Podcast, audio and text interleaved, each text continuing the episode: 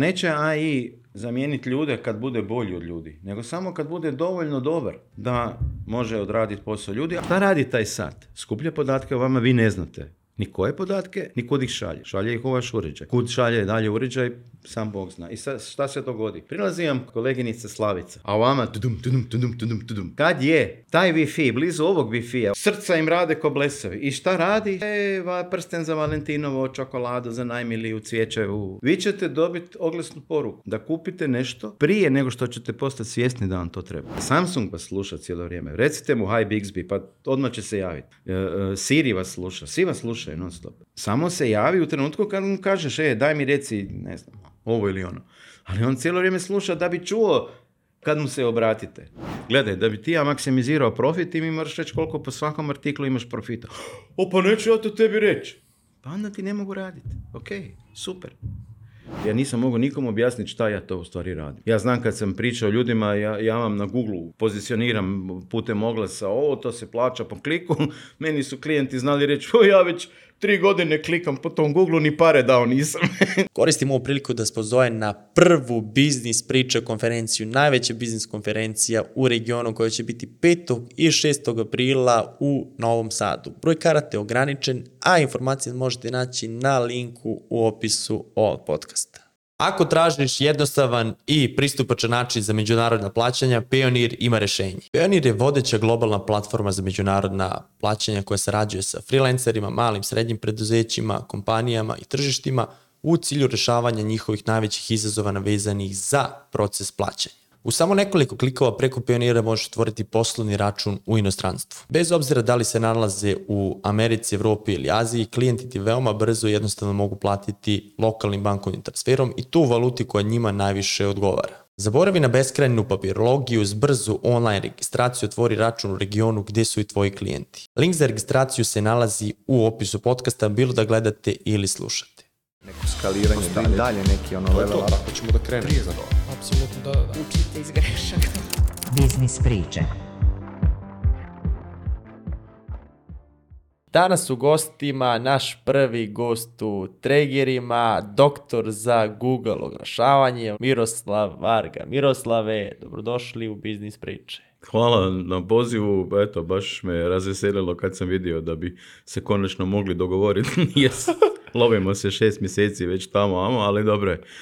Nisam doktor, ali mogu pogledat, nije, nije nikakav problem. Zaboravim se to da, da spomene isto najavi čovjek britkog humora, kog uvijek veselo slušati. I evo, to je razlog poseban. Hvala vam baš, ajde, mislim da je E, znate, e, jednom sam bio na Googleovom nekom, Google ima te, e, te seminare za samo ojačivanje, za ne znam, društvenu samosvijest, za gay friendly, za svako sranje koje može zamisliti, Google ima neku radionicu. E, između ostalog bio sam na nekoj radionici šta je važno za ljude koji rade ovaj posao koji ja radim kao, kao Google trener i onda je rekao lik, znate, vrlo lako je ljude rasplakati ali jako je teško ljude nasmijati. I zato onaj koji uspije nasmijati ljude, e, taj puno više vrijedi. Tako da, eto, i onda smo mi, kak bi rekao, zajbanti na neki način jedini tip koji smo položili za trenere. Ovi drugi su otišli ošli u suzama. ali nije Google, niste od starta...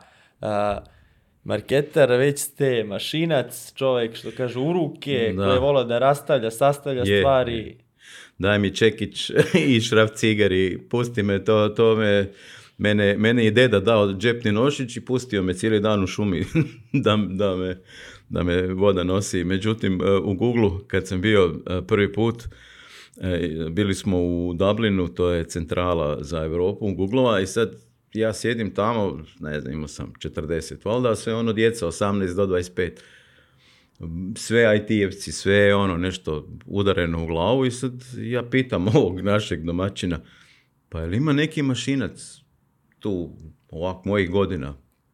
Pa ne. Joj ne, ima dva. To su ona dva što klime popravljaju. Tako da eto, mislim ima i za mašince potrebe u Google. kako je krenuo vaš karirni put? Završili ste mašinski fakultet, krenuo da radite u struci, Jesam, radio sam u struci i radim ja i dalje u struci, to ljudima baš nije jasno. Mi smo od prvog dana e, zavezani i zakopčani za kompjuter. Doduše, ne za ovaj dio koji sad radim, ali e, kogod je ikad vidio neki digitalni crtež, neku konstrukciju, neki most, neki auto, nešto, u, u to je, posao strojarskog inženjera i dobro i elektroinženjera. E, nije to daleko od mog posla, međutim, e, Prvo sam radio na trafostanicama, e, pošto sam dosta stariji, onda praktički cijelu, cijelu, Jugoslaviju sam prošao sa transformatorima. To sam radio, onda sam e, preselio u nešto bolje plaćen posao, jer naime transformatori izvozni proizvod, e, Rade Končar firma još uvijek dobra i, i rade danas, međutim mi smo uvijek imali male plaće kolega koji radio u Austriji u Genexu, se ništa radilo, sedam puta više, idem ja u javnu ili ajmo reći tu bližu, bližu e, vlasti, bližu bazenu i ošao sam raditi u gradski prijevoz. Autobus ili? E, autobusni dio, da.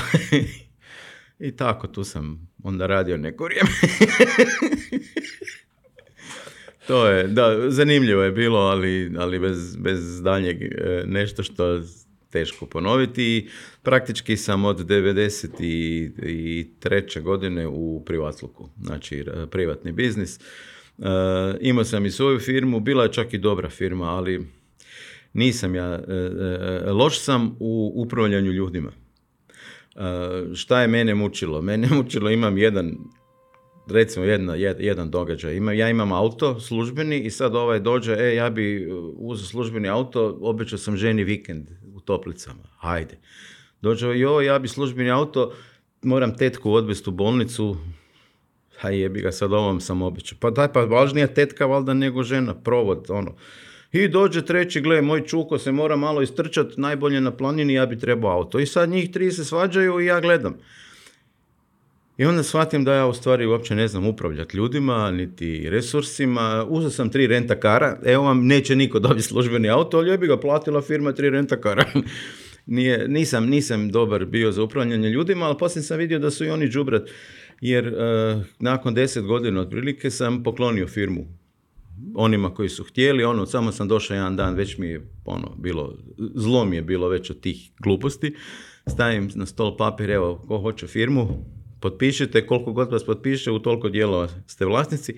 Radili su još nekih deset godina i onda se danas na ulici kad se vide prelaze na drugu stranu, a ja dobar sa svima.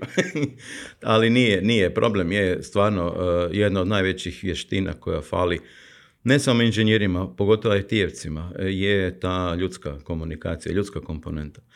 E, neki dan sam slušao gospođu Đamić od, od Lazara Đamića, supruga, ona je inače psiholog i onda je pričala o istraživanju gdje u Silicijskoj dolini, dolini otprilike 30% softverskih inženjera je negdje na spektru autizma. A to ne trebaš objašnjavati, to svako zna. Ko zna nekog developera, pusti ga u podrumu, ne diraj ga i za tri dana, ako izađe živ, riješio je problem. Otprilike tako je. Imali smo mi takvog jednog u firmi. Mi u petak odemo na pivo, u ponedjeljak se vratimo, on još uvijek šprica. Što radiš ti? A pa već ste se vratili iz piva, pa budalo, ponedeljak. On je dva dana, tri noći kucao, kucao, kucao, dok nije iskucao sve i tako, izgubio pojam o vremenu, o svemu. To su, to su developeri, to je problem. Htjeli ste to da promenite, da približite tu prodaju i generalno marketing? Htio sam, ne, ne, ne, nisam htio. Šta je moj problem bio? in, inženjeri inače imaju taj problem. Uh, smatraju prodaju nečim što je ispod razine nečastivo. Da, nešto prljavo, ono šta. ne shvaćaju da ti to što si ti napravio nešto dobro, a mislim, smije se psovat ovdje. Ma, dobro. Ono, ako ne, žao mi je, zovite drugog gosta. ne, ne, smije, ali će da pišti samo ovo. da, da, da, dobro i u redu je.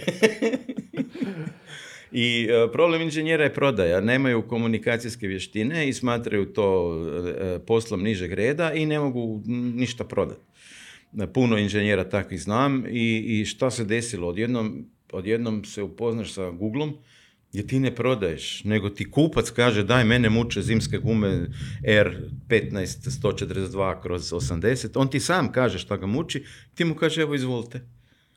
To je u tom trenutku meni bilo ono, bolje ne može, to je kraj. To je kraj svega onog što sam se cijeli život znojio. Ja sam mogu razgovarati s inženjerima kad smo dogovarali tehničke detalje, ali, ali e, prodaja, uvjeti, cijene, novac, sve to, to je bio veliki problem. A pogotovo kad nekog još moraš nagovoriti e, da nešto uzme, a nije baš siguran da li je to rješenje. To imaju softveraši isto, taj problem. I tu se pokazao Google meni otkrićem, totalno. To me onda potpuno usisalo, jer ti više ne moraš ništa prodavati, samo kažeš onome koji nešto traži, ja ti to imam. Evo, A gdje je bio taj prvi kontakt sa, sa Google oglašavanjem? Se sjećate Sjećam, to je kad sam došao u Escape. Escape tada nije radio uopće Google oglašavanje, nego je radio eh, uglavnom web, web stranice, eh, nešto šopova, možda pola šopova, pola ovih korporativnih sajtova. I jedan kolega je radio Google Ads i SEO. Eh, I on je, tada je u Hrvatskoj krenulo njuškalo čini mi se. To je bio prvi veći klijent, onako ozbiljan. Njuškalo, to je ko, kod vas e, kupujem, prodajem, otprilike, tako. I Njuškalo je bio onako side projekt Štirije, ajde vidimo, bilo je još tih 5-6 gdje smo sudjelovali, ovi su drugi propali, ali Njuškalo je baš ono izraslo. I onda je on radio e, te oglase za promociju oglasnika. I to je baš bila ono zezancija sjećam se ono par oglasa, ne znam, e, e, e, dobar frižider daje mu dobre ruke da ga napuni, ono, javi se na ovo. Ili, ne znam, e, muškarac situiran, vila na Pantovčaku, e, vikendica s bazenom, jahta 30 metara, E, ništa ne kupujem, samo se razmećem. I tako. To su baš bili ono oglasi iz čiste zezancije, a i njima je to odgovaralo, jer je e, e, dogodio se još onaj hype drugog reda. Znači, em što je oglasnik postao zanimljiv, ali su i oglasi postali nešto što je postalo šerabilno, odnosno ljudi su dijelili screenshotali te oglase i dijelili na Faceu, na, na tada još na myspace ne znam, biste ste mlađi pa se ne sjećate, bila je, bio je Facebook prije Facebooka, samo se nije zvao tako. Sjećamo se bar toliko. Dobro. Eto, i to je onaj dio koji me preuzeo kod Njuškala kad smo krenuli raditi, baš promovirati, tu, tu sam se, baš, baš sam se razveselio. Možda ne toliko zbog samog google koliko zbog činjenice da su ovi iz Njuškala kupili tog kolegu za takve pare o kojima smo mi svi sanjali, o jebote, ima to i para. Tako da na tome, tome, znači oko 2007. godine me baš uvuklo, a prije toga sam čačkao, ali nisam, nisam vidio neku, neku baš posebnu situaciju. E, ne, ne, što ja nisam vidio, nego tržište bilo nezrelo. Ti nisi znao, ja nisam mogao nikom objasniti šta ja to u stvari radim ja znam kad sam pričao ljudima, ja, ja vam na Google pozicioniram putem oglasa ovo, to se plaća po kliku, meni su klijenti znali reći, o ja već tri godine klikam po tom Google, ni pare dao nisam. pa da, ne plaćaš ti, plaća oglašivač. I da, ta, nebitno. Nisam uopće mogao objasniti ljudima šta u stvari taj posao je, ali kad, kome god smo pokrenuli kampanju, jer tada je bila jako mala konkurencija, praktički je svima posao eksplodirao. Jer kad je neko tražio lupom na pamet gitaru, a ti si prvi rezultat na Google, ti si 50% svih e, posjeta pokupio. Pola tržišta ti je došlo. Možda nije kupilo, ali je jako velik broj ljudi i vrlo jeftino je tada bilo. Ko su bili ti prvi klijenti koji su to prepoznali? Prvi klijenti su nam bili jedna, e, jedan uh, trgovac biciklima, E, bicikli, e, instrumenti i, i kako bi rekao, site projekti, e, odnosno projekti u velikim firmama koji nisu baš htjele da to bude dio mainstreama, nego su čak napravili poseban sajt. Nije bitno sad, recimo neka velika banka koja ne želi baš da se igre, ali želi normalno žive od kredita plasmana, onda sam napravio neki mali sajt koji se zvao, ne znam, moj prvi stan ili tako nešto, gdje je bilo sve opisano tek na dnu. Na kraju, znači, gle, možeš imati ovakav stan, možeš i to su uzimali iz revija, ono, možeš imati ovakvu dnevnu sobu, možeš imati ovakvu kuhinju, samo tvoja i tu, tu, i na dnu, ako želiš, javi se tu, pa eto, neki kreditić ćemo naći za tebe. To su, znači, veliki su to smatrali igračkom, a ovi, eh, najbolji su bili klijenti ovi, ovi srednji, srednje veliki, nazovimo ih, koji su imali nešto para, koji su shvatili da je marketing bitan, ali nisu znali e, kako s tim parama optimalno raspolagati, jer je televizija bila jako skupa, radio je bio relativno slabog dometa, puno radio stanica, mali prostor, a Google je bio univerzalan. On je, meni, me, znam da su mi rekli, recimo jedni s kojima sam radio, njima je pola prodaje e, e, išlo na otoke. Jer svi, svi, mi, svi mi imamo koji živimo u gradovima, e, mi smo centrični Šta je problem otići do ušća, kupiti ne znam nešto. A šta je s onim koji živi, ne znam, u Kuršumliji, a hoće isto dvosjet kupiti ili Nike Air patike. možda nema trgovine blizu ili ima sat vremena autom ili, ili, ili dođe taj dan i nema svoj model, nema svoj broj, nema ne znam, nema roza boje, baš hoće roza. A ovako na internetu ti si naručio i došlo ti doma ljudi na otocima su vrlo dobri potrošači zbog turizma, imaju para, a, a nema trgovina, nema izbora. Tako da je u Hrvatskoj recimo baš taj dio e, tih ljudi izvan urbanih centara pokrenuo cijelu internet trgovinu i turizam kao, kao branša koja je u biti e, u Hrvatskoj čini, ja mislim, 20% GDP-a čini turizam, a turist, on, on, on prvo što radi istražuje. To svaki turista koji dođe u, u neki grad, u neko selo, on zna više o tom gradu nego što znaju domaći. I on se, ti se ljudi informiraju, informirali su se internetom i sad kako, kako doći do njih, pa prodaš im tako da kad on googla ne znam gdje na odmor, a ti mu kažeš pa imam ja za tebe super priču, evo ti ne znam, na Hvaru, na Braču, nebitno. I tako da je turizam, turizam je nosio, a ovi mali srednji, ajmo reći, e, ljudi koji su imali proizvode koji su univerzalno e, iskoristivi. Znači, e, tipa bicikl, tipa, tipa ne znam, neki muzički instrument. ne, nema, nema trgovina muzičkim instrumentima u svakom gradu. Nema ni, a kamoli u nekim selima. Ali djeca bi svirala možda harmoniku, možda bubanj, šta ja znam. I onda su ti baš napravili dobar posao koji su uspjeli riješiti, a uspjeli su riješiti kurirskim službama dostavu. Cijene su bile e, isto kao u gradu, a ne moraš ići u grad, a dobiš još za nagradu, ne znam, palice. I to, su bili prvi koji su baš ono, pogurali cijeli sustav. Vi ste se u te 2007. fokusirali samo na Google. ili bilo izleta u neke druge? Probali smo mi sve. Mi smo probali i Microsoft, ovaj, Bing, i probali i Andex smo tada radili.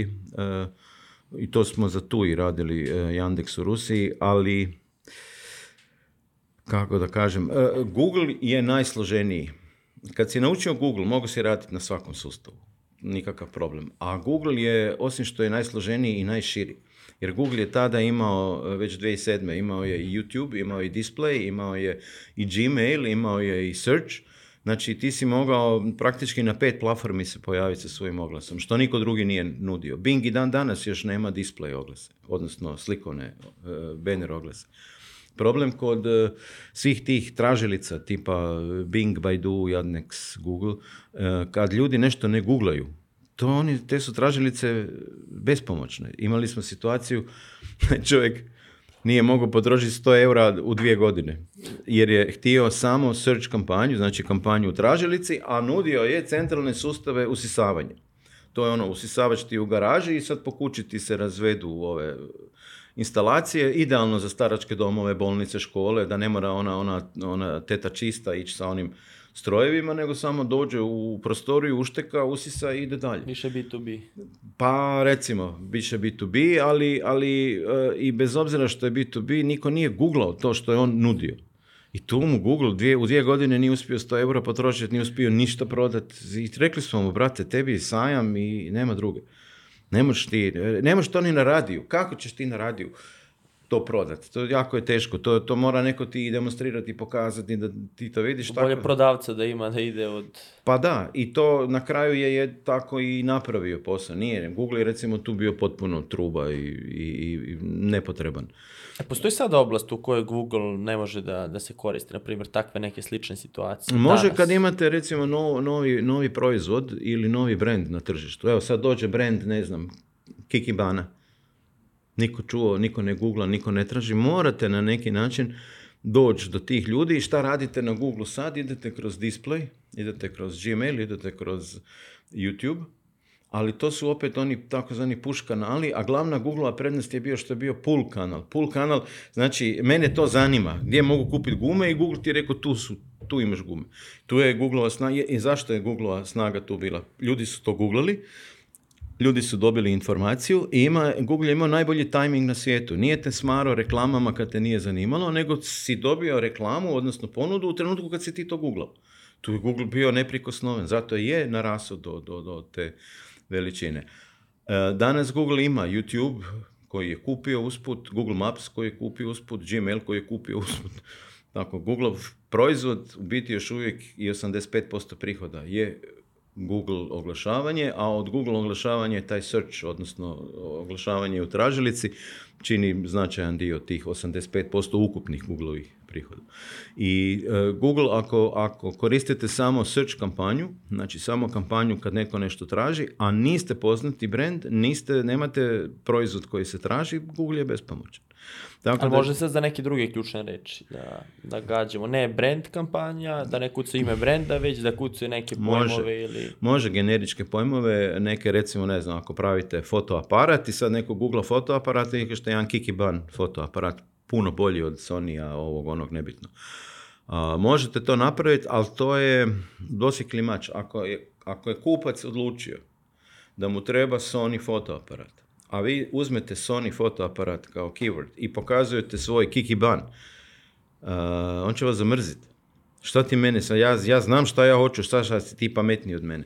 Morate tu e, biti oprezni i to, i onda je uvijek bolje e, ići na e, puš oglase koji su, ja bih rekao, u tradicionalnim medijima. Manje će vam zamjeriti, e, jer su već navikli da na televiziji imaš svakog, svakog smeća i onda će se manje ljudi ljutiti na vas ako na televiziju stavite taj. Ali to je skupo. Treba snimiti, treba produkciju platiti, treba zakupiti vrijeme, treba termine. Ako hoćeš da bude gledano, mora biti udarno, udarni termin. Dakle, udarni termin to je... Ali može na YouTube-u to. I to, to je bio jedan od razloga zašto su ljudi počeli intenzivno na e, YouTube, koristiti YouTube koristiti, na YouTube se Međutim, kod YouTube imate jedan, jedan, jedan e, vrlo, ima problem. Baš sam neki dan pokazivao e, svojim uh, studentima. 12 milijuna pregleda. Jedan like. Zamislite kako, kako da sam ja menadžer firme i moj marketing menadžer je snimio tu reklamu i kaže mi imam 12 milijuna pregleda. Ja vidim jedan like ono, bajo, nisi baš neki... Zaboravi da kupi lajkove. Ma ne, ne, nema smisla. Šta je problem YouTube-a? Dobiješ pošten odaziv, jer niko ne može ljude na YouTube-u natjerati da lajkaju ako im se ne sviđa. I ti točno vidiš da tvoja reklama nikome nije sjela.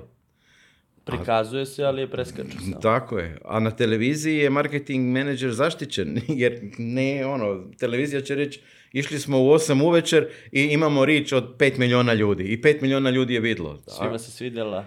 Da, da li se svidjela ili nije, svima se svidjela. Daj dokaži. A ovo na YouTube-u kad vidiš like, dislike, oh, nije baš ugodno. Tako da je YouTube postavio novi standard.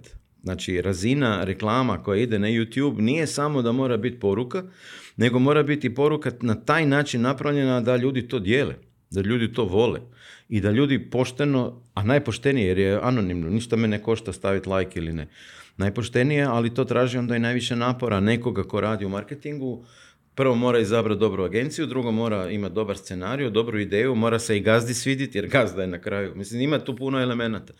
Tako da je YouTube jedan od e, načina na koji se može probiti e, nepoznavanje e, vašeg proizvoda ili, ili usluge na tržištu, ali to, to i zahtjeva visoke standarde ne može ista reklama koja se snimi za TV ići i na YouTube. Često to vidim da ljudi naprave istu reklamu, samo ju copy na YouTube i na YouTube dobe ono, dislike. 5000 dislajkova na 5002 pregleda. Tak da čak, je, čak je YouTube, kad gledamo sad te preglede, samo ako da se dođe do pregleda, veoma jeftino možda se prođe ovdje, međutim šta ljudi E, rade, na primjer imamo format podcasta, sad ovo traje dva sata i ljudi uzmu to da, da bustaju i dobiju neke preglede. Međutim, to su preglede one od tri sekunde, koliko, koliko već ljudi... 5 sekundi. Pa da, na da. tv pa ne stignu da, da preskoče i onda watch time nenormalno opadne i kao, pa ali dobili smo preglede. Uh, ima, ima par trikova koje tu treba napraviti. Recimo, jedan od, od standarda u Americi. Imate onaj skip uh, ad, 5 eh, sekundi, ako neko klikne na to, ne plaćate. Da. I onda vam ljudi snime reklamu koja traje 3,5 sekunde. Ono, kupi moj, moje britice za brijanje, a brand je tu, ja sam taj brand. I sad molim te klikni tu na skip ad da ne moram platiti. I to brzo. I to brzo sad. Ono, ljudi skliknu na skip ad.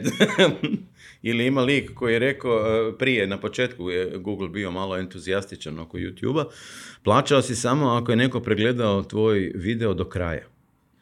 I onda je lik e, e, ispričao najvažnije i rekao, gledajte, sljedećih dva i pol sata je samo šum i ja vam savjetujem da ne gledate do, kraja, ali možete. I zaista nakon toga krene šum, znate, ona slika sa ništa. I to dva i pol sata traje. Naravno, svi su skipali, reklama je išla džabe, jer se plaćalo do pregleda do kraja. Bila je jedna od opcija.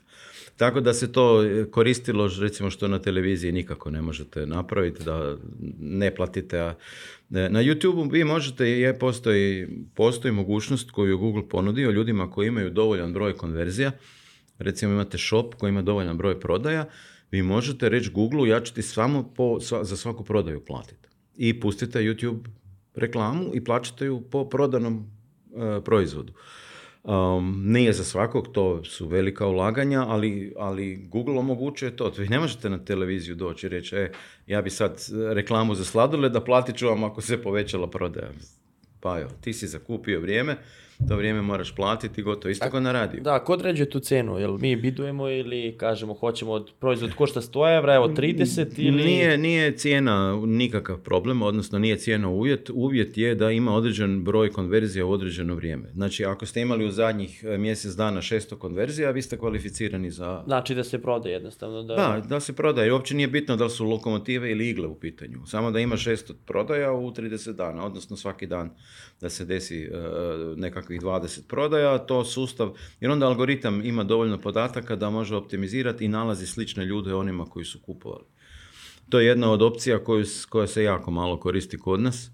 Kod nas kad kažem, mislim, regiju cijelu. zašto? Zato što nema konverzija? Nema dovoljno konverzija, zato što ljudi nemaju, e, ulaganja koje imaju nisu dovoljna da ostvare 600 konverzija. U, u pravilu jako malo, jako malo šopova ima 600 prodaja mjesečno. Ehm, ima ih, ne mogu reći da ne, ali ni oni ne žele, ehm, kak bi rekao da, ni oni ne žele da im Google upravlja ehm, kampanjama, jer šta ste rekli kad ste Google reći sad ću ti platiti samo za prodaju. Dali ste mu su slobodu, a Google ne daje povratne podatke. Vi ne znate ni ko, ni kad, ni gdje, ni zašto, ni kako, ništa ne znate. Samo Google kaže, bum, prodaja, izvoli, calen bite, op, prodaja, calen bite. I vama prodaja ide, ali ništa niste naučili. I zato ljudi to baš i ne A šta tu sve može da, da se nauči? Odakle, s kojih kanala dolazi ili... Pa kanal je Google. Ne, nemaš tu, tu šta. Ono, e, ko to koristi? Onaj koji ima, e, recimo, shop e, u kojima ima na kojem ima podjednaku zaradu. Jer, na primjer, ako imate laptop i miš, lakše je miša prodati. I kažete Google, ja ću ti za svaku prodaju platiti, prodat ćete hiljade miševa, ni jedan laptop. Jer sustav vidi u to mogu prodati, ovo ne mogu. To je jedan od razloga, ako, ako nije dobro postavljena kampanja, odjednom ostali bez miševa, a laptopi na policama. Tako da tu treba, kako bi rekao, dobro zajašiti sustav, treba ga razumjeti, treba jako paziti kad se takve stvari rade, da se ne pusti uzda sustavu, jer sustav će napraviti sve ono što ste mu rekli, a rekli ste mu plaćam ti konverziji, a konverziju mu niste rekli koliko vam vrijedi, ili niste dobro, čak sam gledao kampanje koje uopće nemaju dobro postavljeno mjerenje konverzija. Neki dan sam imao s kolegom, baš ono, gledali smo pa smo se smijali. E, konverzija je kad neko dođe na sajt, to su proglasili konverziju. Znači ja došao na sajt konverzija. Google je našišo konverzija milijardu. Ono, samo dođe na sajt. Nije bitno štaš raditi. Zato što je neko kad je radio konverziju krivo je postavio. Je, neko ko je došao na određeni, odnosno page je konverzija, je to konverzija i dobra je, samo je trebao biti page koji je trebao imati URL hvala vam na kupnji, a on je zaboravio taj hvala vam na kupnju, nego page šiše miško. Tako da tu treba jako dobro e, paziti i taj dio, a to, to se... Uh, kak bi rekao, klijenti koji imaju šopove nisu baš dovoljno školovani, dovoljno informirani ili dovoljno informatički zreli da to mogu dobro postaviti, a agencije koje to postavljaju, ja ne znam da li ih ima desetak u, u cijeloj regiji. I mi smo, recimo, kod nas je sad ono, red čekanja četiri mjeseca. Ne, ne mogu, ne, nema ko. E, I ovi koji to rade, svi, svi mi kažu istu priču, ono Varga, nemoj nam nikog slati. Inače, svi mi, ne znam, mi još nismo konkurencija. Mi ne doživljavamo jedan drugog kao konkurenciju, nego kao partnere u istom poslu. I ja šaljem i oni meni šalju i kao, Varga, nema nam slat nikog sljedeća dva mjeseca, ne možemo, nemamo, ne ide. A šta je to toliki problem, toliko da nema agencija koje to mogu da, e, zato, što, zato što Google e, jako intenzivno i vrlo često mijenja e, sustav. Svaka dva tjedna neka promjena. A sad iz ove godine najavio, najavio je to još prije dvije godine, ali ove godine gasi Analytics 3. Biće sve na Analyticsu 4 Analytics 4 je poluproizvod, nije još do kraja dorađen. A ti si morao dvije godine uh, peglat poluproizvod da bi sad u, u sedmom mjesecu kad Google bude ugasio trojku bio spreman. A ljudi nisu bili spremni na, na to, nisu ni učili šta, to će Google se predomisliti, neće. A šta je razlog toga da, da priđu se trojke na četvorku? Razlog je u tome što je četvorka e, više kompatibilna sa GDPR-om i e, e, točnije mjeri sve ono što je netočno. E, znači, trojka je iznimno netočna, ne, iznimno. Ajde ovako. Google, pr- malte ne među prvim, prvim porukama je kod analitike. Nemojte gledati brojeve, gledajte trendove. Jer, jer krivo se mjeri. Sve je krivo. Server Čak može... i konverzije. Sve. Sve se krivo mjeri. 10% ako odstupa od, od stvarnih rezultata, to se smatra točnim ali bude neka odstupanja i 30%. Sad su recimo odstupanja skoro 50%, jer 50% ljudi koji dođu na sajt kaže nemoj me pratiti. Pola ljudi ne želi da ih pratiš i samim tim ti nikakve podatke ne smiješ skupljati o njima. I onda imaš problem. Imaš samo 50% stvarnih brojeva. I onda nemoj gledat da li si prodao tri ili sedam, nego gledaj da li sam ovaj tjedan prodao 40% više nego prošli tjedan i ako to tako i u blagajni, onda znaš da je trend dobar, ali brojke kao takve nema smisla gledati. Nije, nije dobro, nije dobro samo gledati brojke. Na kraju može biti greška neka koja u sustavu potpuno pobrka e, sve rezultate i onda se ljudi oslone na te krive rezultate. Imali smo i to e, da, da čovjek ne vjeruje, ne vjeruje, e, ne vjeruje svoje prodavačici u trgovini koja kaže, ali šefe, nama ljudi dolaze i kupuju. Ne, ne, ja tu vidim sve crveno u analitici, to sve, sve slabije i slabije ide. Pa dobro, ok, ide slabije online, ali ide ti jače offline. A offline ti ova uvali tri proizvoda onome koji je došao po jedan. A online ko hoće jedan, kupit će jedan. Tako da nije, e, nije jednostavno. Intenzivno se mijenja, brzo se mijenja, puno se mijenja i u suštini se mijenja trojka je i četvorka suštinski dva različita alata. Potpuno druga a tehnologija. A sada kada gledamo trojku, četvorku i tu tranziciju, taj prelazak, korisnici koji su samo prešli, jel ostaju podaci na trojici ili... Ostaju, ali će e, trojka nakon prvog sedmog presta skupljati. Znači sve što si imao okay. će biti, ali ništa dalje poslije prvog sedmog nećeš vidjeti. Znači moraš preći na četvorku ako želiš nešto mjeriti. I tu je sad šansa za sve ove, kako bi rekao, paralelne. Jer Google Analytics je bio, ja mislim, preko 80% penetrirao u, u webove. Ko je tu glavni konkurent? E, sad ih ima, sad ih ima i to će biti e, dobra priča. Uh, evropski, evropska konkurencija su Matomo i Pivik, a e, u Americi je Adobe i Amplitude.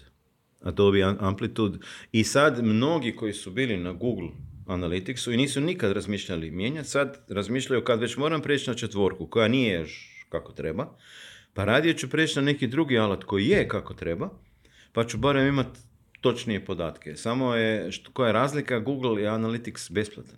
I to mu je najjača prednost.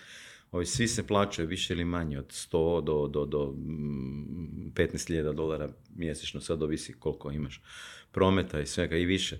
I ima i Google plaćenu inačicu, ali Eh, ono što ja mislim, i to se baš događa, ljudi, ljudi se počinju okretat eh, drugim alatima, pivik, recimo je alat koji je trojka ostao i ostaće trojka, ali pošto je europski eh, sustav na europskim serverima pohranjuje podatke, ne pohranjuje ništa GDPR-ovski jer je pivik već tako napravljen.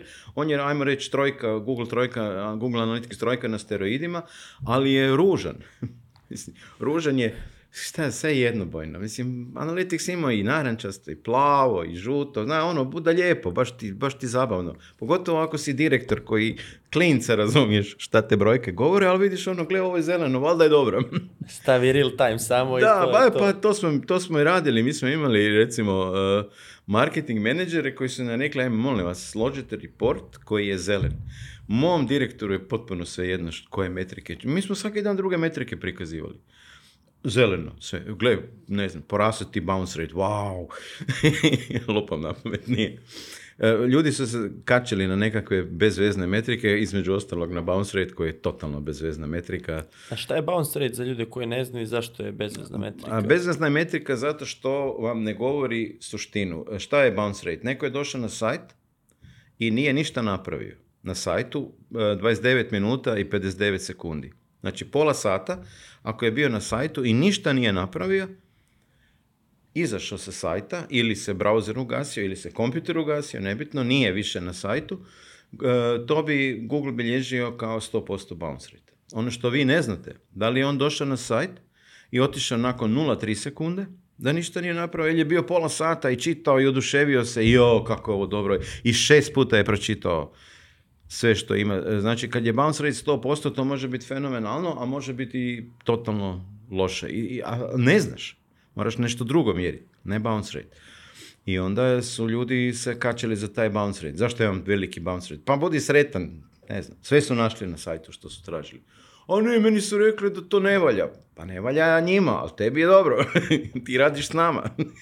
Sad, koliko su te brojke, ja pričali smo malo pre čak ni ta konverzija nije tačna, bounce rate, koliko ljudi, koliko se ljudi vezuju za te brojke ili na kraju dana najbitnija ta brojka, stanje na računu, Najžalostnije je što se vežu za neku metriku koju uopće ne razumiju, koja je totalno nebitna i oko nje se uzrojava. Koje su još to nebitne metrike pored bounce Po meni je najbitnija metrika na, na sajtu koju trebaš pratiti, trebaš gledati, ali opet u trendu, conversion value, conversion rate i broj konverzija. To, je, ti živiš od blagajne. Ti ne živiš od Google, od klikova, od CTR, od bounce rate to su sve bezvezne metrike. Svaki onaj koji ima neki biznis živi na kraju dana od toga koliko je para u blagajni. A koliko je para u blagajni pokazuje broj konverzija, conversion value i conversion rate. To su tri osnovne metrike. Nekad postoji još jedna metrika koju, koju često koristimo kod čopova, a to je um, um uh, cost per average sale, odnosno um, E, e, ima conversion value, znači to je vrijednost ukupne prodaje, što je ok, ali meni treba koliko mi je prosječna košarica. Zašto mi to treba? Pa zato što ako sam zaradio milion, ali to na iglama, gdje imam maržu 700% ili na lokomotivi koju sam jednu prodao, gdje imam 3%, nije isto. E, obično na jeftinijim proizvodima budu veće marže i zato, zato još ta jedna dodatna metrika i to je dovoljno za nekog ko ko vrši bilo kakvu uslugu, bilo prodaje, bilo, bilo usluge, recimo šta je za nekog doktora, e, stomatologa, oftalmologa, njemu je bitno koliko je termina dogovorio, koliko novih ljudi dolazi. I to je zadatak koji mu ja mogu ispuniti. Znači on mi kaže, gledajte, ja, ja mogu u ordinaciju primiti 30 ljudi na sat, ili pet ili dva na sat, nebitno, ajde možete mi meni složiti kampanju da ja svaki sat imam dve konverzije. Jer kad ima dve konverzije i ako ima još dobar dobru, e, dobru tetu u call centru, ona će lijepo popuniti raster i on će svaki dan imati posla. I neće imati previše posla jer ne može ni primiti više od dva. Često, često u regiji bude priča ono, prvi sastanak, nema problema, avioni, kamioni, milioni, samo deri dok se vraća i nakon dva tjedna, e, halo, stanite, nema, skladište mi je prazno nemam te robe. Pa jesmo vam rekli na početku da bi mogao biti taj problem. Ili, ne stignuto moji ljudi, pa nisu jeli već sedam dana. E, potpuno kriva predložba. Ovo, ovo radi e, nekad do te mjere da ti prebaci sve moguće poslovne planove. A ljudi nisu svjesni, ne, mogu skalirati svoj biznis. Jedan automehaničar koji ima tri grabe ili dvije dizalice, pa on ne može 60 ljudi dobiti dnevno. Jer će imati 58 nezadovoljnih, samo dva može staviti na grabu ljudi često imaju problem sebe uokviriti u potencijale svog biznisa. To je jedan od većih problema koji sam vidio. I ne bi vjerovali, drugi najveći problem je eh, kad ih pitam, a koji vam je cilj? Šta hoćete? Zašto bi dali meni pare? Pa, pa ja, bih htio, ja više prodati. Pa ne trebaš mene, spusti cijene upola i prodavat ćeš više. E, nisam ja tako mislio. Pa onda mi reci šta si mislio. Nije ti, očito si mi krivo zadao. Nije, ako želiš veću prodaju, već sam ti riješio problem. Ajmo sad dalje. Pa ja bih htio da ima malo veći profit. Aha, ajmo razgovarati o profitu. Gledaj, da bi ti ja maksimizirao profit, ti mi moraš reći koliko po svakom artiklu imaš profita. O, pa neću ja to tebi reći. Pa onda ti ne mogu raditi. Ok, super. I ono, a, a najveseliji su mi oni, znate, imam jednu fenomenalnu ideju, sajt još nije gotov, ali me zanima koliko bi trebao uložiti. Ja obično tako vam kažem 6 milijardi eura. Koliko? Pa, čujte, ja planiram da vi hoćete biti novi Booking.com, a Booking.com troši godišnje 6 milijardi. Pa evo, tu negdje računajte. Pa ne, neću ja Booking.com, pa onda mi reci, brate, čim ćeš... A ne, ono, imam ideju, ne bi sad o njoj, web još nije gotov, ne smijemo o tome pričat, ali me zanima koliko ja moram uložiti. Pa, tak, to su ti, to su ti, kako bi rekao, zabavni momenti u mom poslu. Imao sam, ima sam životna priča, čovjek ima 10 soba, 20 e, kreveta, mali obiteljski hotel, ma, kuća neka, ne, ne, nebitno. I kaže on meni, znate, mene malo taj Booking.com sekira. Jel možemo mi tu nešto? Kako ne bi mogli? Booking.com ulaže 6,2 milijarde eura godišnje. Ako vi imate 6,3 milijarde, ubit ćemo Boga u Booking.com. Pa vi mene zajebavate. Pa vi ste prvi počeli. Imaš deset soba, hoćeš pojest booking.com, pa si ti normalan. Ljudi se uopće ne znaju staviti u okvire. Pa ne, ne da ne možeš, e, e, e, uopće ti nije bitno. On bi htio cijelu Njemačku, Nizozemsku i Skandinaviju. Pa a šta da ti dođe 6 milijuna Njemaca? Samo 10% onih koji putuju. 60, 60 milijuna Njemaca godišnje putuje, od njih 100 miliona. I šta sad da ti dođe 10% njih u, u, u tvoj hotel sa 10 soba? Pa šta s njima? Pa tebi, tebi, mi moramo naći selo pored Minhena u kojem ima 3000 stanovnika od kojih 10, razumiju, A ne Njemačku, Skandinaviju i, i, i još ako može i Rusiju, ako je šta ostalo na Facebook od 100 eura strašno veliko nepoznavanje i jako je velika razina neinformiranosti. Nije ni čudo, fakulteti su zaspali. Ljudi nisu imali prilike uopće čuti šta je to taj digitalni marketing, šta se tu događa. Osim toga, ne volim ni taj izraz digitalni marketing. Za mene postoji marketing, a, a, a digitalni je samo opis načina i metoda postoji, zovu ga tradicionalni, ako ja ne znam šta bi to bilo tradicionalno, jer isto sve što se radi u marketingu može se raditi i u online i onda je to marketing, samo se koriste druge, drugi kanali. Kanali su razlika, ali znam zašto je nastao digitalni marketing, zato što smo mi inženjeri prvi ušli, jer smo mi radili sajtove, mi smo programirali, mi smo bili ti koji su vidli. gle, možemo oglašavati i onda smo rekli mi se bavimo digitalnim marketingom. Ne, ona i marketing ovi, ovi što su malo niža vrsta, mi smo digitalni marketing, a pojma nisu imali što radi. Znači ta podjela digitalni, tradicionalni ne, pa, mediji, marketing... Prazna priča, glupa priča. To je priča koja je posljedica nedovoljne informiranosti. Uh, jer u suštini šta je marketing? Istraživanje tržišta, istraživanje potreba, stvaranje brenda, kreiranje, uh, uh, pozicioniranje, cijenovna politika, sve to, to je jedna ogromna široka, širok spektar stvari koje sve ti radiš na internetu, samo ih radiš na drugi način. Kako radiš cijenu? Pa staviš na web shop cijenu 100, ne prodajem, aj stavi 80, u ide, puf, evo imam pozicion, cjenovno pozicioniranje. Eh, gdje sam lociran? Pa u cijeloj Srbiji. Ili nemam dosta u, ne znam, u Kragujevac. I onda napišem, svi mogu, ali u ni nažalost ne, jer moja kurijska služba ne vozi tamo. Mogu vam sad poštom, ali ne odgovaram za ne znam šta. Da za rok dobio i tako. Eh, problem je što eh, ljudi koji su počeli digitalno oglašavanje su to proglasili digitalnim marketingom.